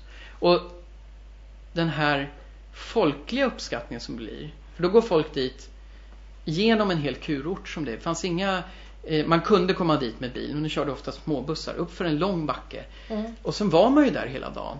Därför att det fanns ingenstans riktigt att ta vägen. Det fanns den här kurorten där nere, det fanns lite restauranger och sånt. Men vi som spelade och jobbade var ju där hela tiden. Långt ut bort från all civilisation på något vis. Och sen, och sen kommer publiken dit och är också förväntar sig verkligen ett, ett vad ska jag säga, en, att bli eh, ett lustspel, ett folkspel, alltså så att verkligen bli spelade för. Mm. De är också uppsluppna på ett annat sätt än när man kommer in i ett operahus och har Mm. den här lite kanske uppsträckta känslan att Nej, men nu ska jag gå på opera. Så är det verkligen, där är man ju ute i naturen. Mm. Och vi spelade också till exempel Friskytten som är en sån traditionell opera. Men som utspelar sig ute i skogen. Just. I de här skogarna Mm. utanför Dresden just. Och såna, och sen den här operetten, den kanske inte var så tydligt utomhus. Men att spela också en operett som, som har det här liksom lite roliga uppsluppna Mm.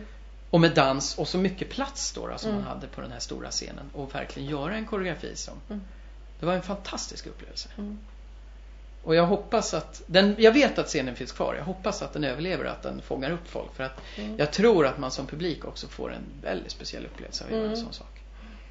Vi har ju lite såna här um, Jag var uppe i eh, Mora, utanför Mora, och Operaladan. Just det. Som nu tyvärr Vattnäs, eller? Det blir väldigt intimt. Man är Mm. väldigt nära Mm. de som sjunger och ensemblen. Och så har vi väl eh, Opera på skäret. Ja. Dalhalla är ju en sån typisk Ja. utomhusscen. Mm. Jag har ju, ja, varför har det blivit så att jag varit utomhus en del när jag sjungit? Men jag har varit i Dalhalla också Mm. faktiskt. Då gjorde vi Trollflöjten. Då gjorde Mm. jag inte Tamino. Jag var cover för Tamino. Mm. Det var ganska, det var innan Tyskland. Och då gjorde jag två mindre roller och präst Mm. och sen väktare eller ceremonimästare på slutet. Det var också väldigt, då hade vi mikrofoner. Mm, Men ja. det var, där är ju väldigt häftigt med akustiken för det funkar utan. Men lite grann blir både tal och sång. Det går att höra på någon men det låter så avlägset så man Mm. blir lite, tror jag som publik, lite Ja, det låter lite märkligt Mm. ändå. Så att jag tror att det är bra att de förstärker en aning. Jag tänker, Men- det vi, du pratade om tidigare det här med scenbilder och att det ska vara Ja. lite, där har man ju brassat på för fullt. Mm, mm. Absolut. Och, och det, jag tror att de här typen av, av det, det behövs allting. Det Ja. behövs också de här när man liksom experimenterar även på scen, eh, vad heter det, scen, scenografisidan Mm. med andra medel. Mm. Eh, men att de här som, som vågar göra lite kostymdramer och sånt där lite spektakulärt. Mm. De är också viktiga för, tror jag, att folk ska känna sig lite bekväma och gå och se Mm. på opera. Mm. För det finns som du säger den här uppdelningen att det är ehm, och det kanske har fötts av allt möjligt. Det har fötts av att det har varit lite mera finkultur och har Mm. hört till någonting som är en slags elitism. Mm. Och som sen egentligen tror jag in, inte var det. Eller som att väldigt få av oss som ändå är i yrket Mm. alltså ser på opera som en sån sak. Mm. Att det är bara ett visst fåtal som förstår sig på och ska kunna ta, sig till, Mm. ta till sig det.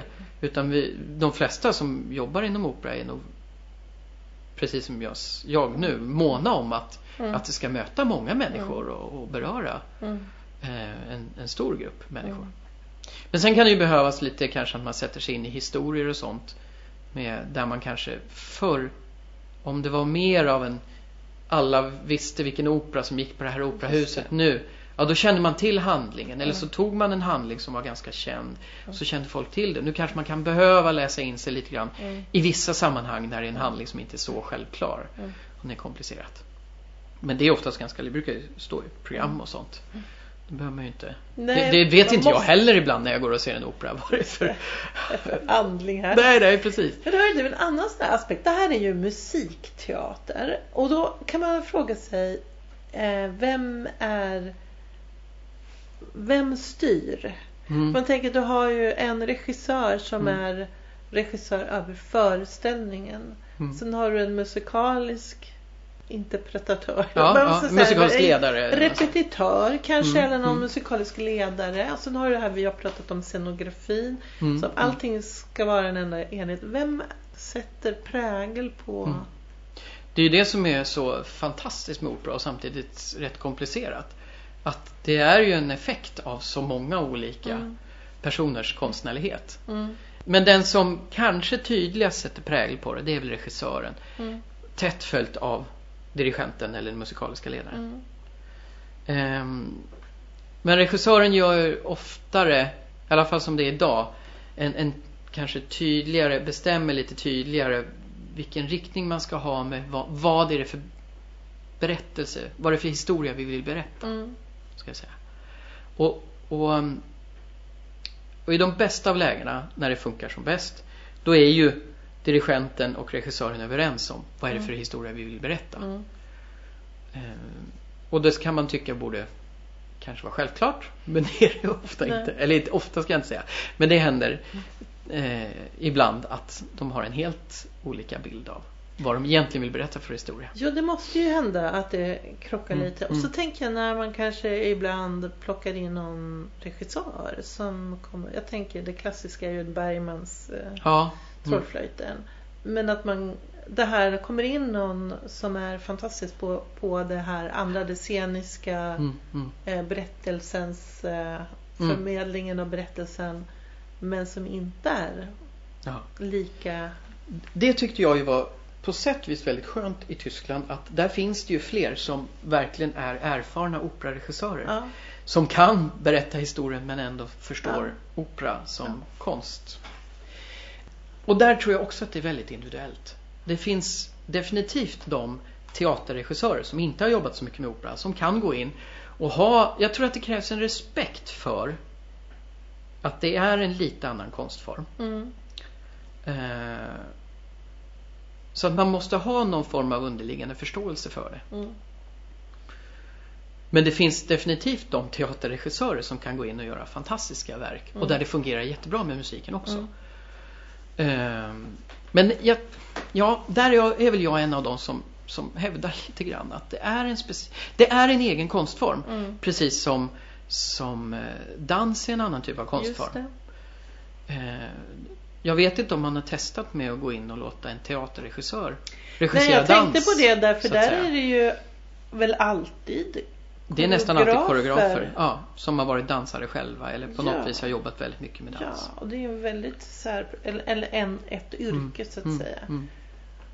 Men, medan, men sen så, så, att- så jag tror att det är ju en sån enkel sak som tajmingen. Mm. Där man i opera använder musiken till att dra ut ett moment så att det får ta väldigt lång tid. Mm. Det gör att det, det blir inte reellt. Mm. Men det gör ingenting därför att musiken gör det kan man ju se i film till exempel att man kan ibland med musik göra så att du kan dra ut ett moment, du Mm. kan eh, suga på karamellen lite extra mycket för att musiken gör Mm. att, att man kan överbrygga det här som känns att ja, men det här var ju osannolikt länge det här pågick så att säga.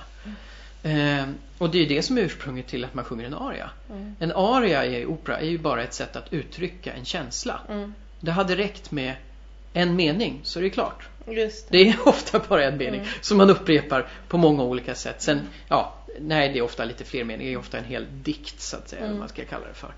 Eh, Men, men det är ändå ett sätt att dra ut en känsla. Mm. Och om man nu så vill, som kanske Rickard Söderberg skulle säga, jag vet inte, götta sig i den Mm. verkligen riktigt, verkligen bada i den känslan. Eh, och det funkar ju. Det funkar, det blir inte alls mindre trovärdigt. Nästan tvärtom. Men det är ett sätt att uttrycka en känsla på ett annat sätt. Mm. Ehm, men att men, och, och det gör också att ibland så finns det ju också, det är också inskrivet i musiken så väldigt mycket mer hur, vad det är för timing. Va- Så att om man ska ta, alltså om man på ett ställe i handlingen befinner sig på en punkt och sen senare ska befinna sig på en annan punkt så finns det utskrivet i musiken hur lång tid det får ta. Mm.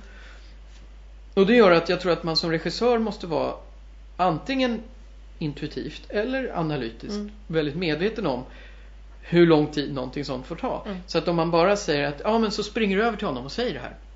Om det då sen tar två minuter i musiken så ser det ju störtlöjligt ut. Mm. Det går nästan inte att få till den instruktionen om man inte har rätt mycket erfarenhet som artist och kan Mm. omsätta det på något sätt så att man liksom och, och, och i komedi kan man kanske göra något komiskt av det fast det måste man ju också ha väldigt bra timingkänsla för. Det här är nästan ännu svårare därför att timingen är så viktig i Mm. komedi.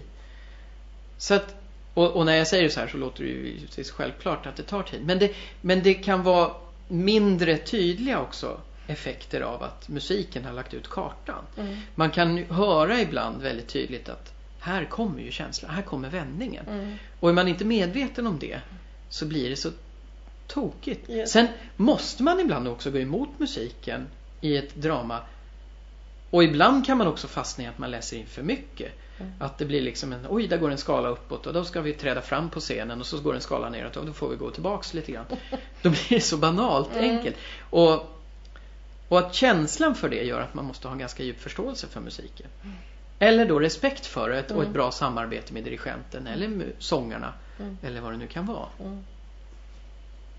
Mm. Sen är det ju den här effekten av som du nämnde där att det finns så många som ska bestämma.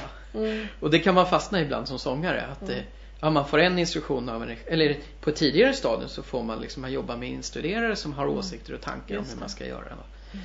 Och det kan ju ibland bli smitta över på ett sångtekniskt hur, vad det blir. Och sen så kommer någon instruktion från regissören som går emot det. Och sen så kommer ytterligare en instruktion från dirigenten.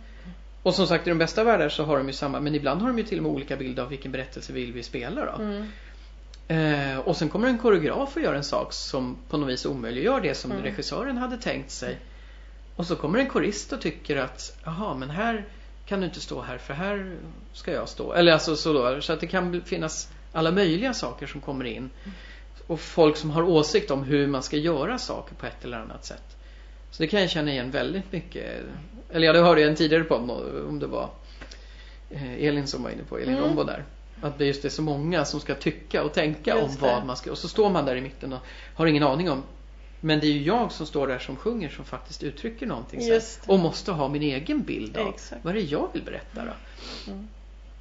Även om det, det, det är klart att det är roligt att få om man gör flera produktioner av samma. Trollflöjten är en sån opera som jag har fått förmånen att göra flera gånger. Mm. Tamino som roll. Och det är ju jättehäftigt att göra den en ny gång. Så Mm. ibland så kan ju någon komma och fråga, "Ah, hur vill du göra det här? Mm. Ja, nej, det vet jag inte. Hur hade, hade du, du tänkt att göra? Mm. Det är ju regissörens hela uppfattning om allt. Den kan ju vi heller aldrig ha på scenen. Den totala uppfattningen av vad är hela skådespelet. Mm. Så att, att också bejaka att det finns olika sätt att Mm. tänka är ju viktigt. Och samtidigt så kan man fastna i det här att det för det, var, det, det kommer jag ihåg någon gång i Tyskland när jag var med om precis just det. När det kändes som att regissören hade en uppfattning så kom dirigenten och hade en annan. Om, om just så, lite grann nästan hur man ska sjunga någonting. Ah. Det rent sångliga. Och sen är instuderaren där och de försökte egentligen bara hjälpa till. För att instuderarens roll är ju verkligen att supporta eh, Ja. sångarna på något vis. Men skulle tycka något. Och sen fanns det en vice dirigent.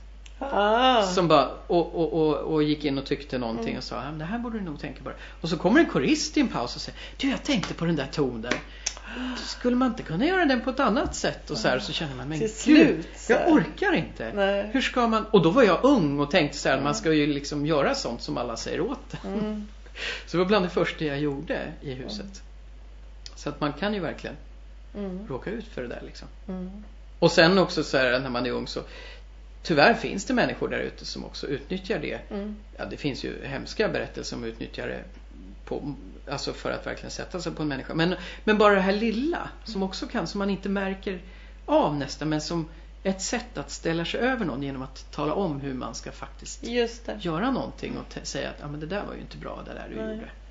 Det, det, det måste du nog jobba Mm. på. Som ett sätt för att, och det, det, det råkade jag också ut för någon gång, som ett sätt att bara få en, en auktoritet Ja. och, och Det är ja, jättevanligt. trycka ner någon lite grann. Mm.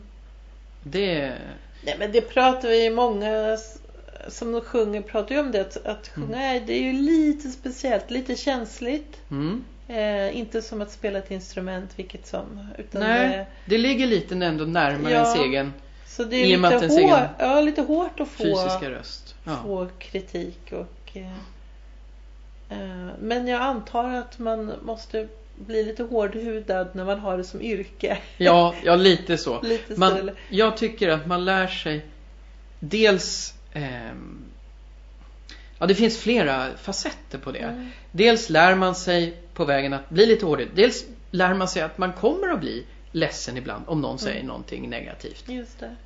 Och det är helt okej. Ja, Det får man bli. Ja. För det är någonting som är bundet med en själv som människa. Så att man lär sig det att, aha, eller som en provsjungning som går dåligt och man Just känner att oj, oj, oj. Eh, så lär man sig lite grann, jag, jag ska inte säga att man någonsin lär sig att provsjunga för det är en av de saker som man går igenom Mm. som jag tror ingen skulle tycka är, är egentligen roligt i sig. Man kan, åka i, man kan verkligen ha någon provsjungning som, som man blir verkligen hamnar i ett rus av. Mm. Men att som funktion att det är någonting som är roligt, nej. Det tror jag inte någon Nej. skulle tycka egentligen. Men, men så att man lär sig att man kan liksom bryta ihop och komma igen. Mm. Eh, sen lär man sig också att det är inte hela världen. Det tycker jag Mm. också är en viktig läxa. Eh, det är inte riktigt hela världen vad en person kanske tycker om vad man gör. Eh, utan det finns, det kommer andra tillfällen och det kan komma andra sammanhang. Just. Och första gången man gör en roll eller första gången man gör någonting, vad det nu kan vara, sjunger arian och så här, så blir det så oerhört viktigt med att det ska bli så bra det bara Mm. går. Och får man då kritik och så känner man att man lägger in hela sin själ och allting i det och så känner man att få kritik så kan det bli jättejobbigt och ge en, Mm. liksom katastrof sådär. Men så, så fattar man på vägen att aha, det kommer fler tillfällen. Det kommer de här tillfällena när det, när det blir rätt och det känns bra och, Mm. Och folk. Sen kan det ju finnas ibland när man känner så här att det här gick ju jättedåligt. Så kommer någon och säger åh det var så fint och så trevligt. Mm. Så kan man nästan bli arg på att men hur kan du tycka det? Det här var ju Det var ju dåligt. jättedåligt. Just det. eh, så att Men det där med att provsjunga, det har vi Mm. pratat om förut i podden när det Ja. gäller musikalartister som kan det. vara Jag har pratat med de som har varit otroligt erfarna Mm. och framgångsrika, de bästa i Sverige som fortfarande måste provsjunga för en Mm. roll. Mm. Kan man tycka att borde man de beställarna så att säga veta hur det låter Ja. och vem man är och vad man kan. Och... Jag vet att det är så i musikalvärlden. Där är det är ännu mera än i operavärlden. Just som Jaha. du säger att det bygger Mm. på provsjungningar. Och som du säger att man måste provsjunga i alla fall. Har jag förstått. Mm, vi provsjunger väldigt mycket i operavärlden också. Ja. Ehm, och, och det är Det är väldigt dubbelt. Därför att jag, jag kan verkligen hålla med om att det inte är ett bra sätt att ta reda på Nej. hur en person eh, verkligen presterar på ett bra, på ett eh, homogent, fritt, Mm. liksom kommunicerar känslor. För att det blir så konstruerat. Det kommer ofta nerver in och man blir nervös. På ett annat sätt än det har. Man kan ju bli nervös för en premiär och för en konsert också. Mm. Men i en provsjungning är det på ett annat sätt. Man är så, eh, så specifikt medveten om att det här är verkligen en bedömning. Mm. De sitter där och bedömer den. Och hur man än vrider och vänder på det så kommer man inte ifrån det. Nej. Att det blir en, Det är en inte mys, en mysstund. Nej, nej, och det är ingen som bejakar och tar emot. Och man kan, jag har verkligen varit med om sådana professionella när de har gjort ett väldigt bra jobb. Mm. Att försöka få en, en bra, rätt stämning för Mm. att man ska försätta, för att man ska ge den personen så bra tillfälle som möjligt att få visa vad man kan. Mm. Så det är klart att man kan göra mycket, men det är fortfarande en bedömningssituation. Och man är väldigt medveten om det som sångare. Mm. Alltså ett bättre sätt vore ju till exempel att gå och lyssna på sångaren när de gör en föreställning eller en Mm. konsert. Absolut. Eh, Men dels finns inte alltid de möjligheterna för den som ska lyssna. Och sen är det också så här att det blir ju i sig ett, en, en funktion som gör det väldigt svårt för nya sångare. Om du är Mm. ny på marknaden, tar det in. Hur tar man sig in? Jo, man måste ut och provsjunga. Mm. Det är nästan det enda sättet att ta sig in. Så det blir en rättvisefråga någonstans där också. Om det Mm. bara går via, Mm. Via så att säga kompisar eller de man känner till. Mm.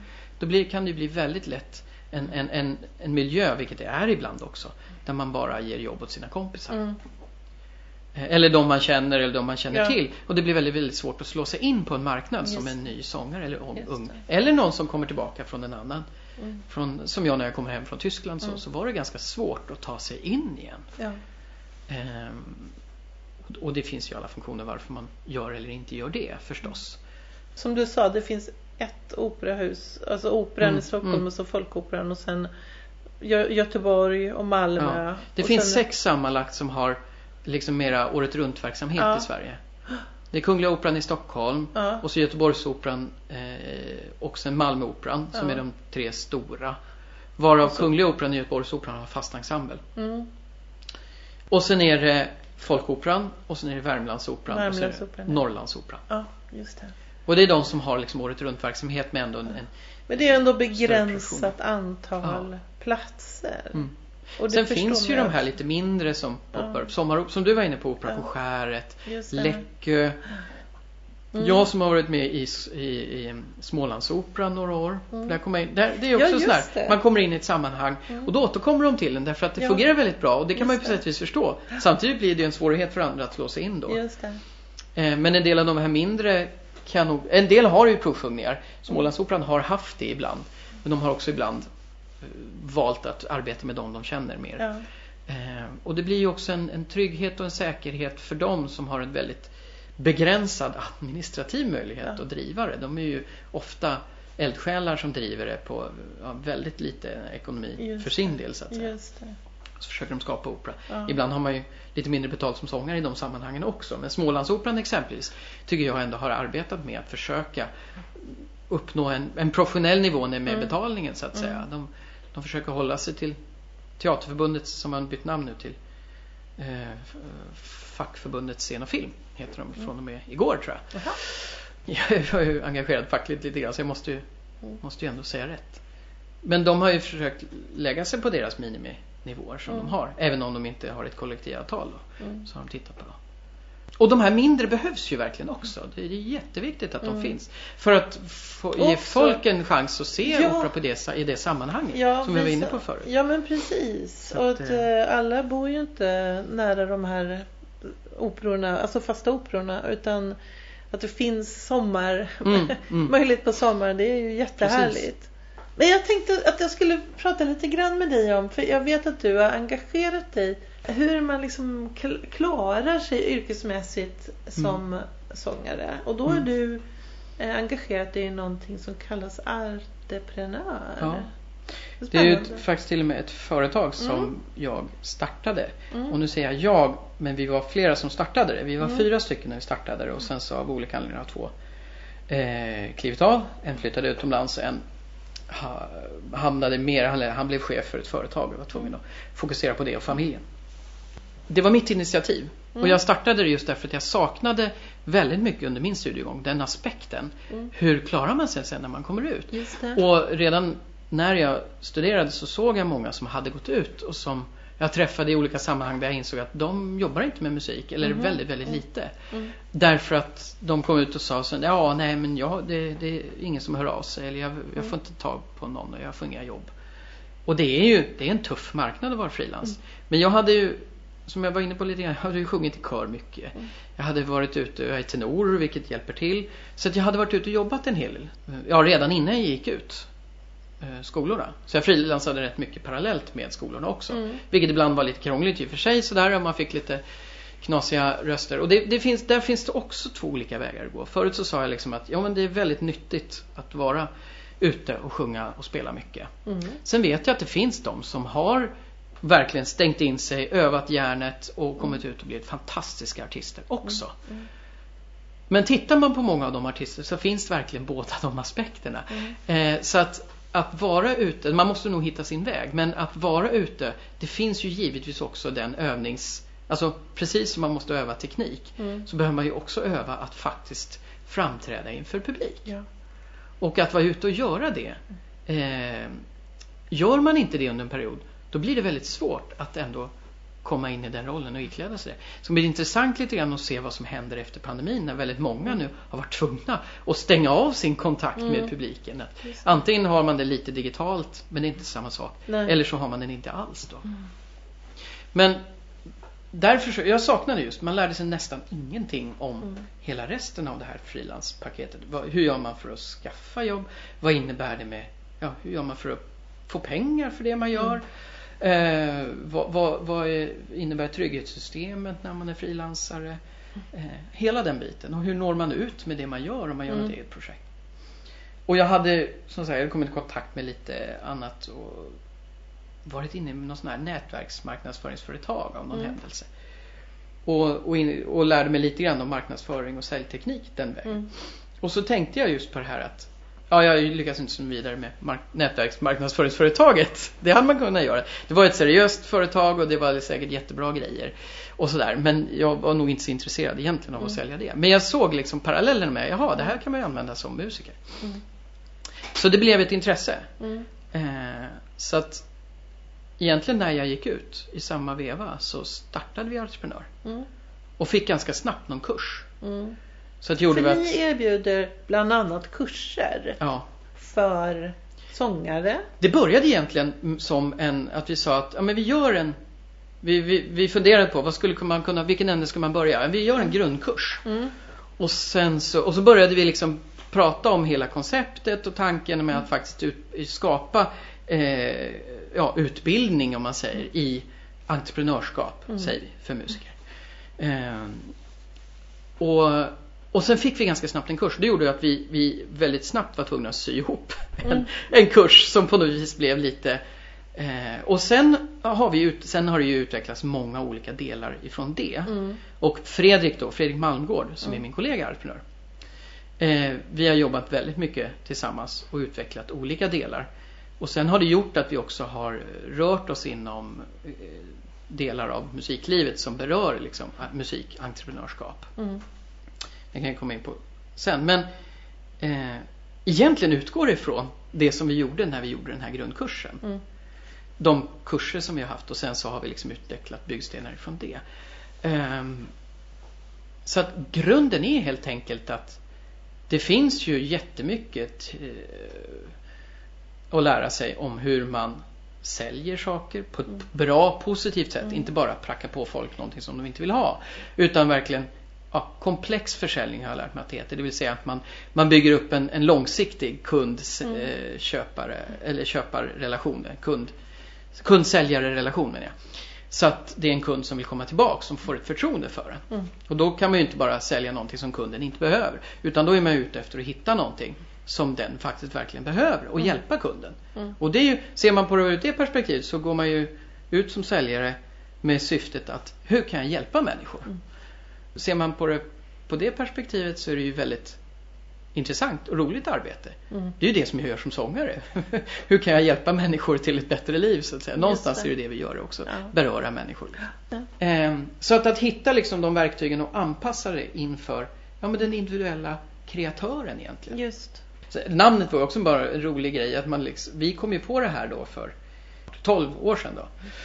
Som vi satte igång. Och sen så funderade vi på om det var ju bra om man hittade något bra namn. Så, så kom vi på entreprenör. Sen finns ju det på engelska, entrepreneur. Och det är liksom vedertaget som Mhm. en, en konstnärsentreprenör. Jaha. Sen finns sen så något år senare eller ett par år senare så skrev någon en uppsats vet jag som heter någonting med entreprenören eller entreprenör. Mhm. Då hade vi redan skyddat namnet. Och det är bra. Så det är lite roligt. Eh, jag hade från början tanken att ha kanske med, för vi hade en dansare med oss från början. Att, att eh, omfatta alla olika Mm. kulturella grenar, i alla fall inom scenkonsten. Mm. Och sen skalade vi ner det till bara musik. Både därför att vi blev två personer och därför att vi insåg att bara musik, alltså den musikaliska vägen är så enormt stor med alla Mm. genrer som finns. Mm. Och genrerna har ganska olika förutsättningar. Mm. Bara en sån enkel sak som prissättning Just är väldigt det. komplicerat. Sen har vi väl vuxit lite grann så att vi ju, ger ju kurser på det hela det kreativa området. Mm. Men då kan man inte gå riktigt lika djupt i de enskilda. Jag Nej. kan inte veta hur en dansares värld ser ut Nej. i detalj. Mm. Men jag kan däremot har vi ju kommit så pass långt i det här fältet så att jag kan använda samma verktyg. Mm. Och deras situation liknar väldigt mycket mera min än det gör ett storföretags. Mm. Ja, det är klart. Men, men sen så till exempel så är vi ju inne i ett projekt som är jättestort. Eh, som föddes och den tanken har funnits länge men det, det här är något som har funnits sen eh, vad var det? 2012 kanske, 13 där någonstans. På våren, kommer jag ihåg. Så var Fredrik ute och höll kurs med en annan person som är på jazzmusikområdet.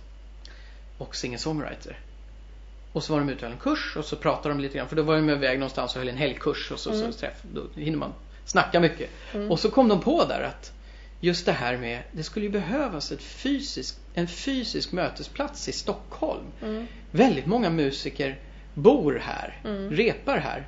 De kanske är ute och spelar någon annanstans och konserterar och turnerar men de bor och, och jobbar här. Mm. Sitt dagliga arbete. Eh, och det är också väldigt mycket ensamarbete att vara musiker. Mm. Samtidigt som man spelar i ensemble men väldigt mycket av det måste man klara själv. Och även det här yrkesmässiga att liksom driva upp sin, sin verksamhet rent entreprenöriellt då, då Just. gör man väldigt mycket själv. Men tänk om det fanns en, en fysisk mötesplats Mm. där man faktiskt kunde träffa andra Mm. som gör precis samma sak. Mm. Och, och ha ett kollegialt liksom, samröre med dem.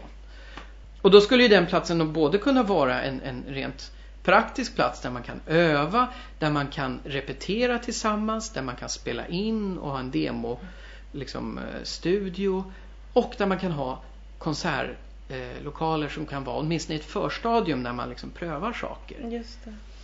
Så att det blir ett arbetshus.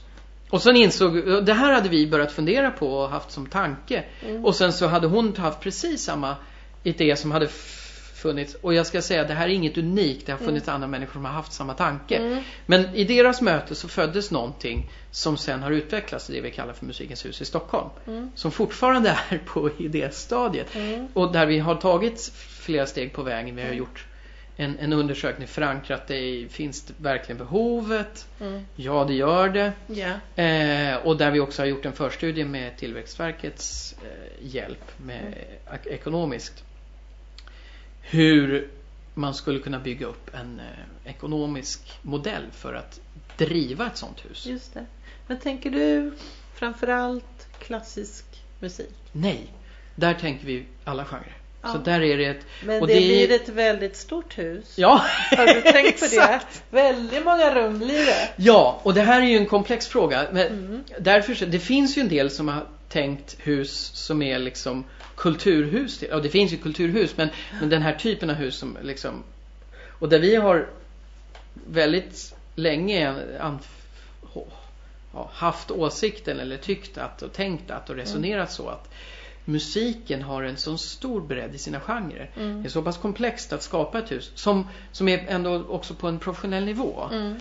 Ehm, för att syftet med ett sånt hus är att kunna skapa också lokaler som gör att, att vi kan få bedriva verksamhet, inte i dåliga källarlokaler med dålig Mm, ventilation och med trappor som man får bära upp och ner, eh, PA-system och, och, och trumset och allting. Mm.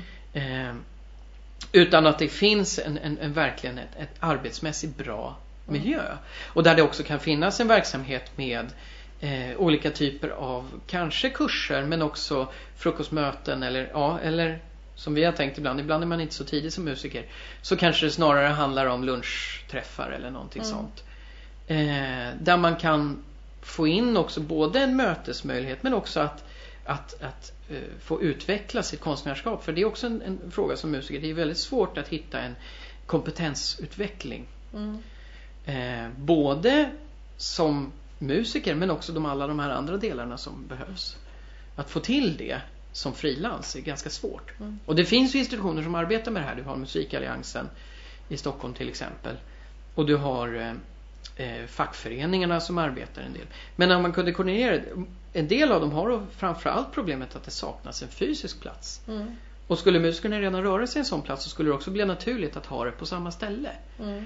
Då skulle du kunna bli av mycket mer därför att då kan du faktiskt öva, du kan sitta och arbeta vid ett skrivbord och du kan ha kompetensutveckling på samma ställe. Mm. Och du kan möta kollegorna. Mm. Och nu har det ju hänt saker i med pandemin. Så att våran modell för driften håller inte riktigt längre. Mm. för att den modellen byggde på att, eh, att det går, att, alltså att musikerna själva kan betala Mm. För lokalerna. Man måste ju hitta lokaler som, alltså en, en modell som gör att lokalerna inte blir för dyra. Därför att det finns tyvärr inte alldeles för mycket pengar ibland inom musikvärlden. Eller den finns men den, den når inte alltid fram till kreatörerna. Mm. Som är centrum av, Mm. av kärnan, i, eh, kärnan egentligen. I liksom det här. Men ofta fångas pengarna upp i någon annanstans i de här entreprenöriella cirklarna man brukar prata om Mm. sån modell. Så att eh, även om det är kreatören som är utgångspunkten för hela konsten så finns det många andra som profiterar på det på vägen. Mm. Och det är inget ont i det heller så. Det är klart att det, det finns ju, det behövs ju managers och det behövs musikbolag och, och det behövs restauranger och allting annat som liksom sprider musiken. Mm.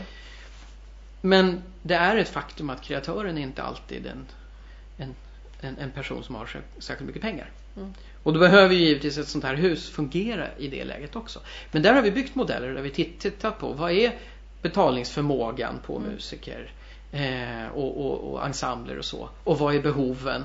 Och skulle man kunna hitta modeller för att bygga ett sånt hus? Och det fungerar. Mm. Men idag så är musikerna i en väldigt utsatt situation. Just det.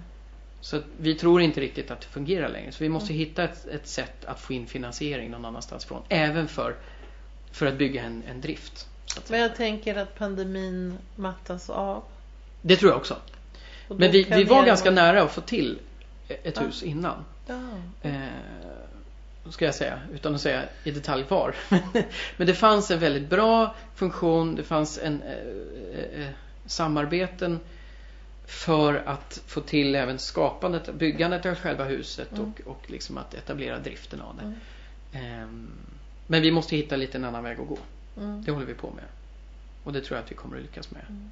Men eh, Hur tror du en effekt av pandemin är ju att man också vänjer sig vid att eh, streama mm. konserter och sitta hemma och lyssna. Hur ser ni på det? Man kan ju nu titta på Ja. Metropolitan ja, ja precis. i, i hemmasoffan. Ja.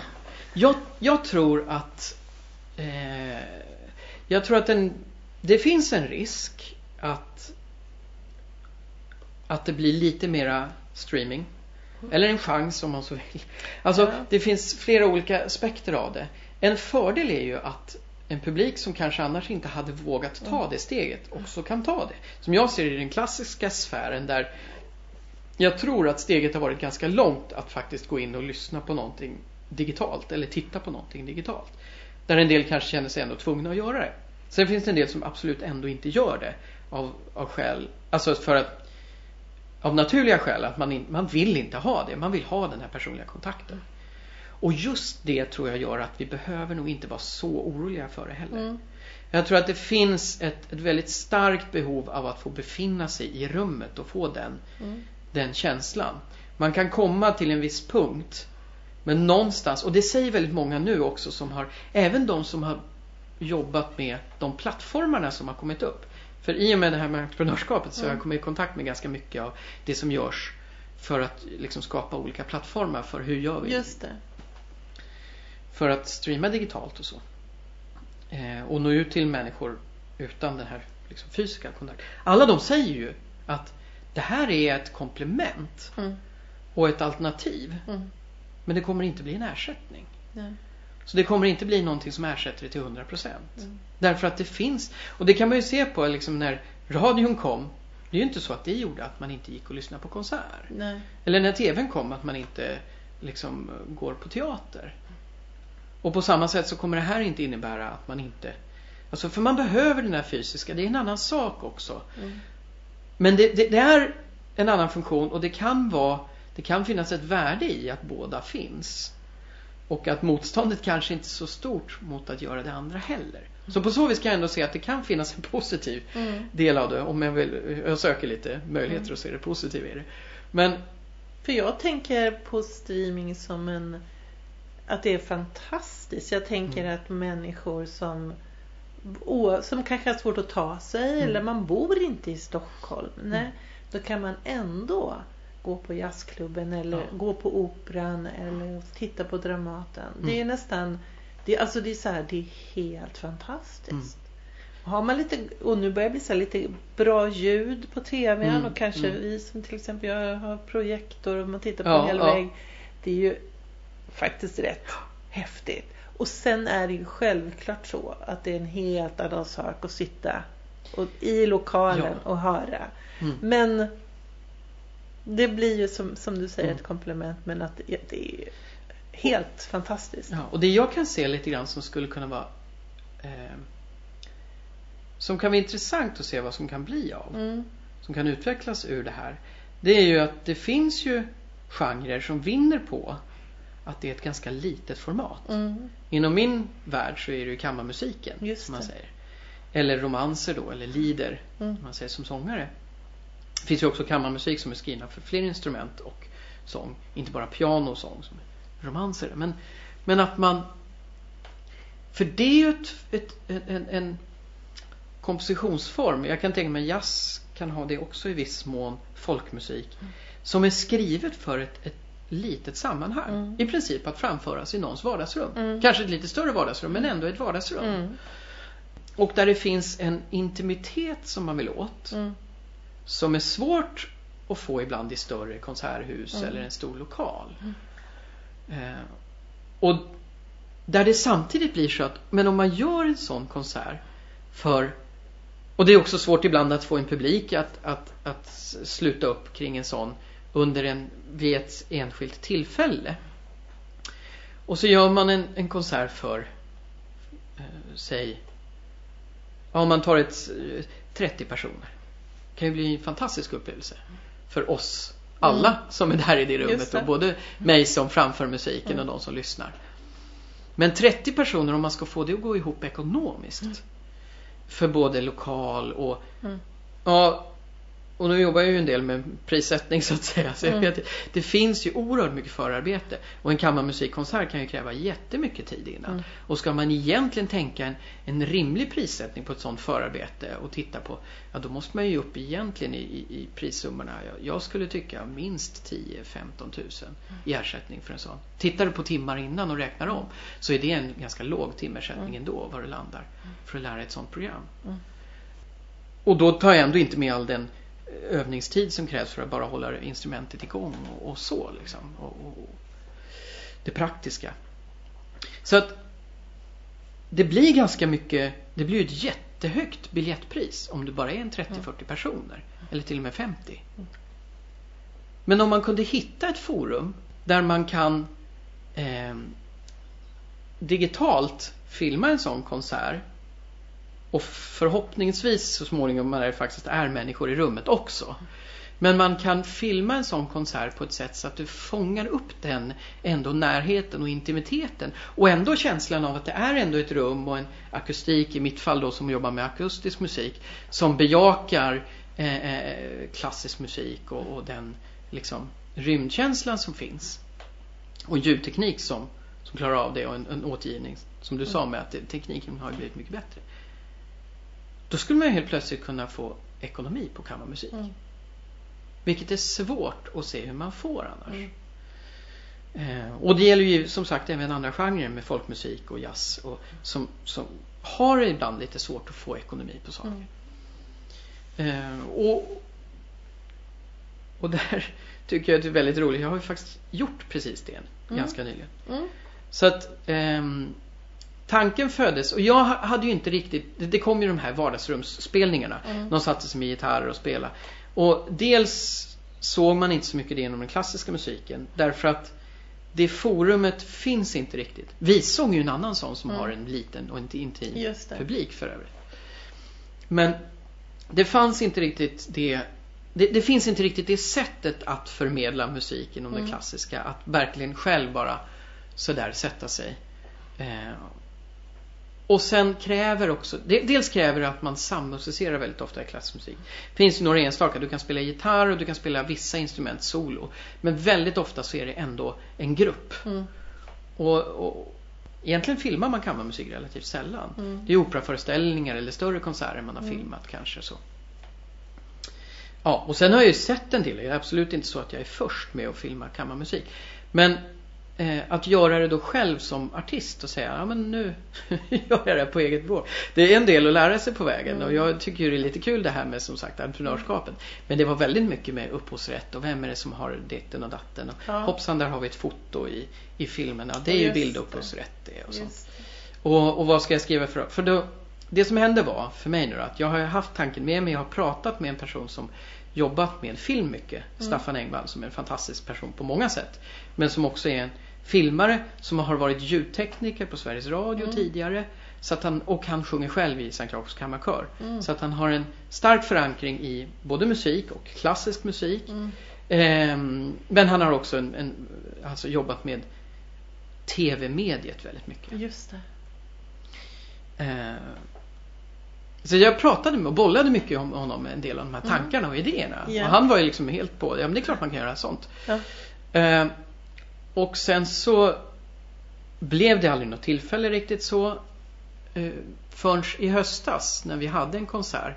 Och det är flera saker som har ställts in. Men där var det en konsert som jag och en pianist hade jobbat inför. Och vi hade till och med börjat året innan. Och den skulle varit en lunchkonsert som skulle ha blivit av hösten 2019. Och sen så fick jag använda eh, en lokal som jag tänkt på flera gånger. En Sjölidens kapell ute på Värmdö. Mm. Jag är ju från Värmdö. Har varit där många gånger som är en väldigt vacker lokal rent visuellt Mm. och som är fin akustiskt. Mm. Så gör jag så nu att jag lägger ut den på en plattform. Mm. En sån plattform som har vuxit upp. Den fanns innan men, men den har vuxit fram mycket nu på grund av pandemin lite. Ja. Som heter Void. Ja.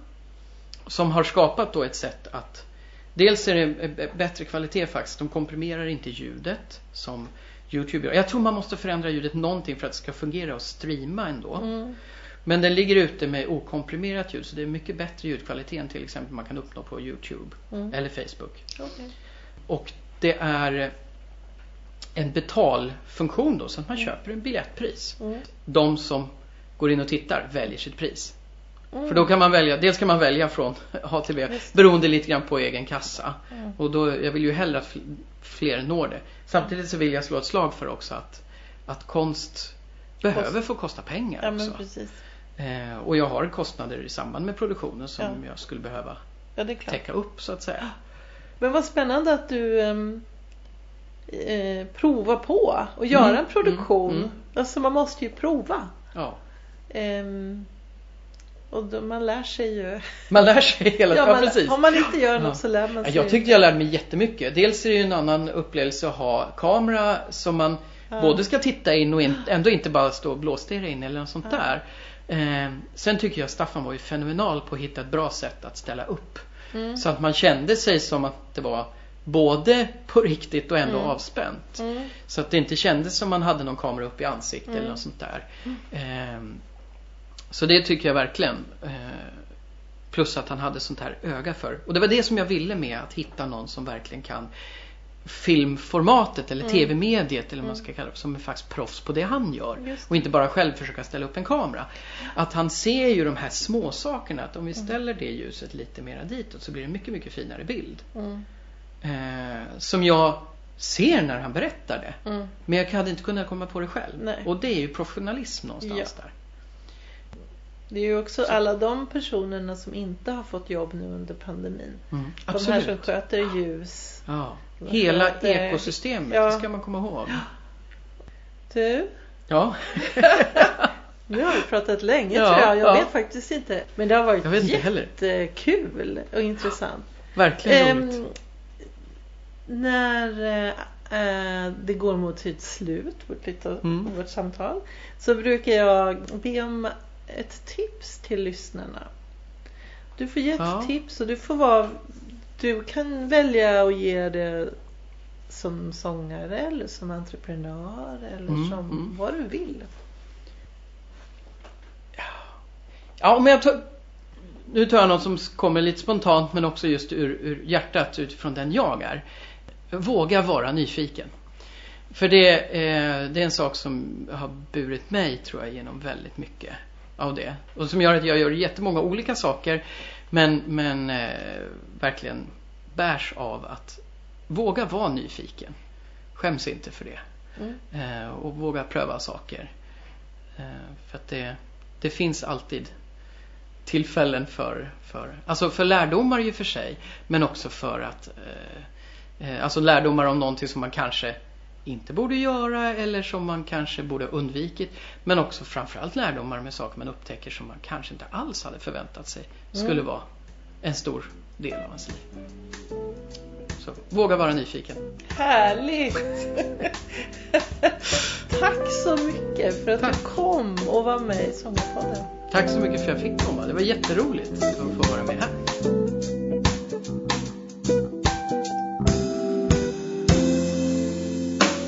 Du har lyssnat på Sångarpodden. Vill du ha mer information eller få länkar till artister med mera så gå då till vår egen webbplats www.sangarpodden.se Du som är sångare och tycker att det är svårt att hålla igång din sångröst.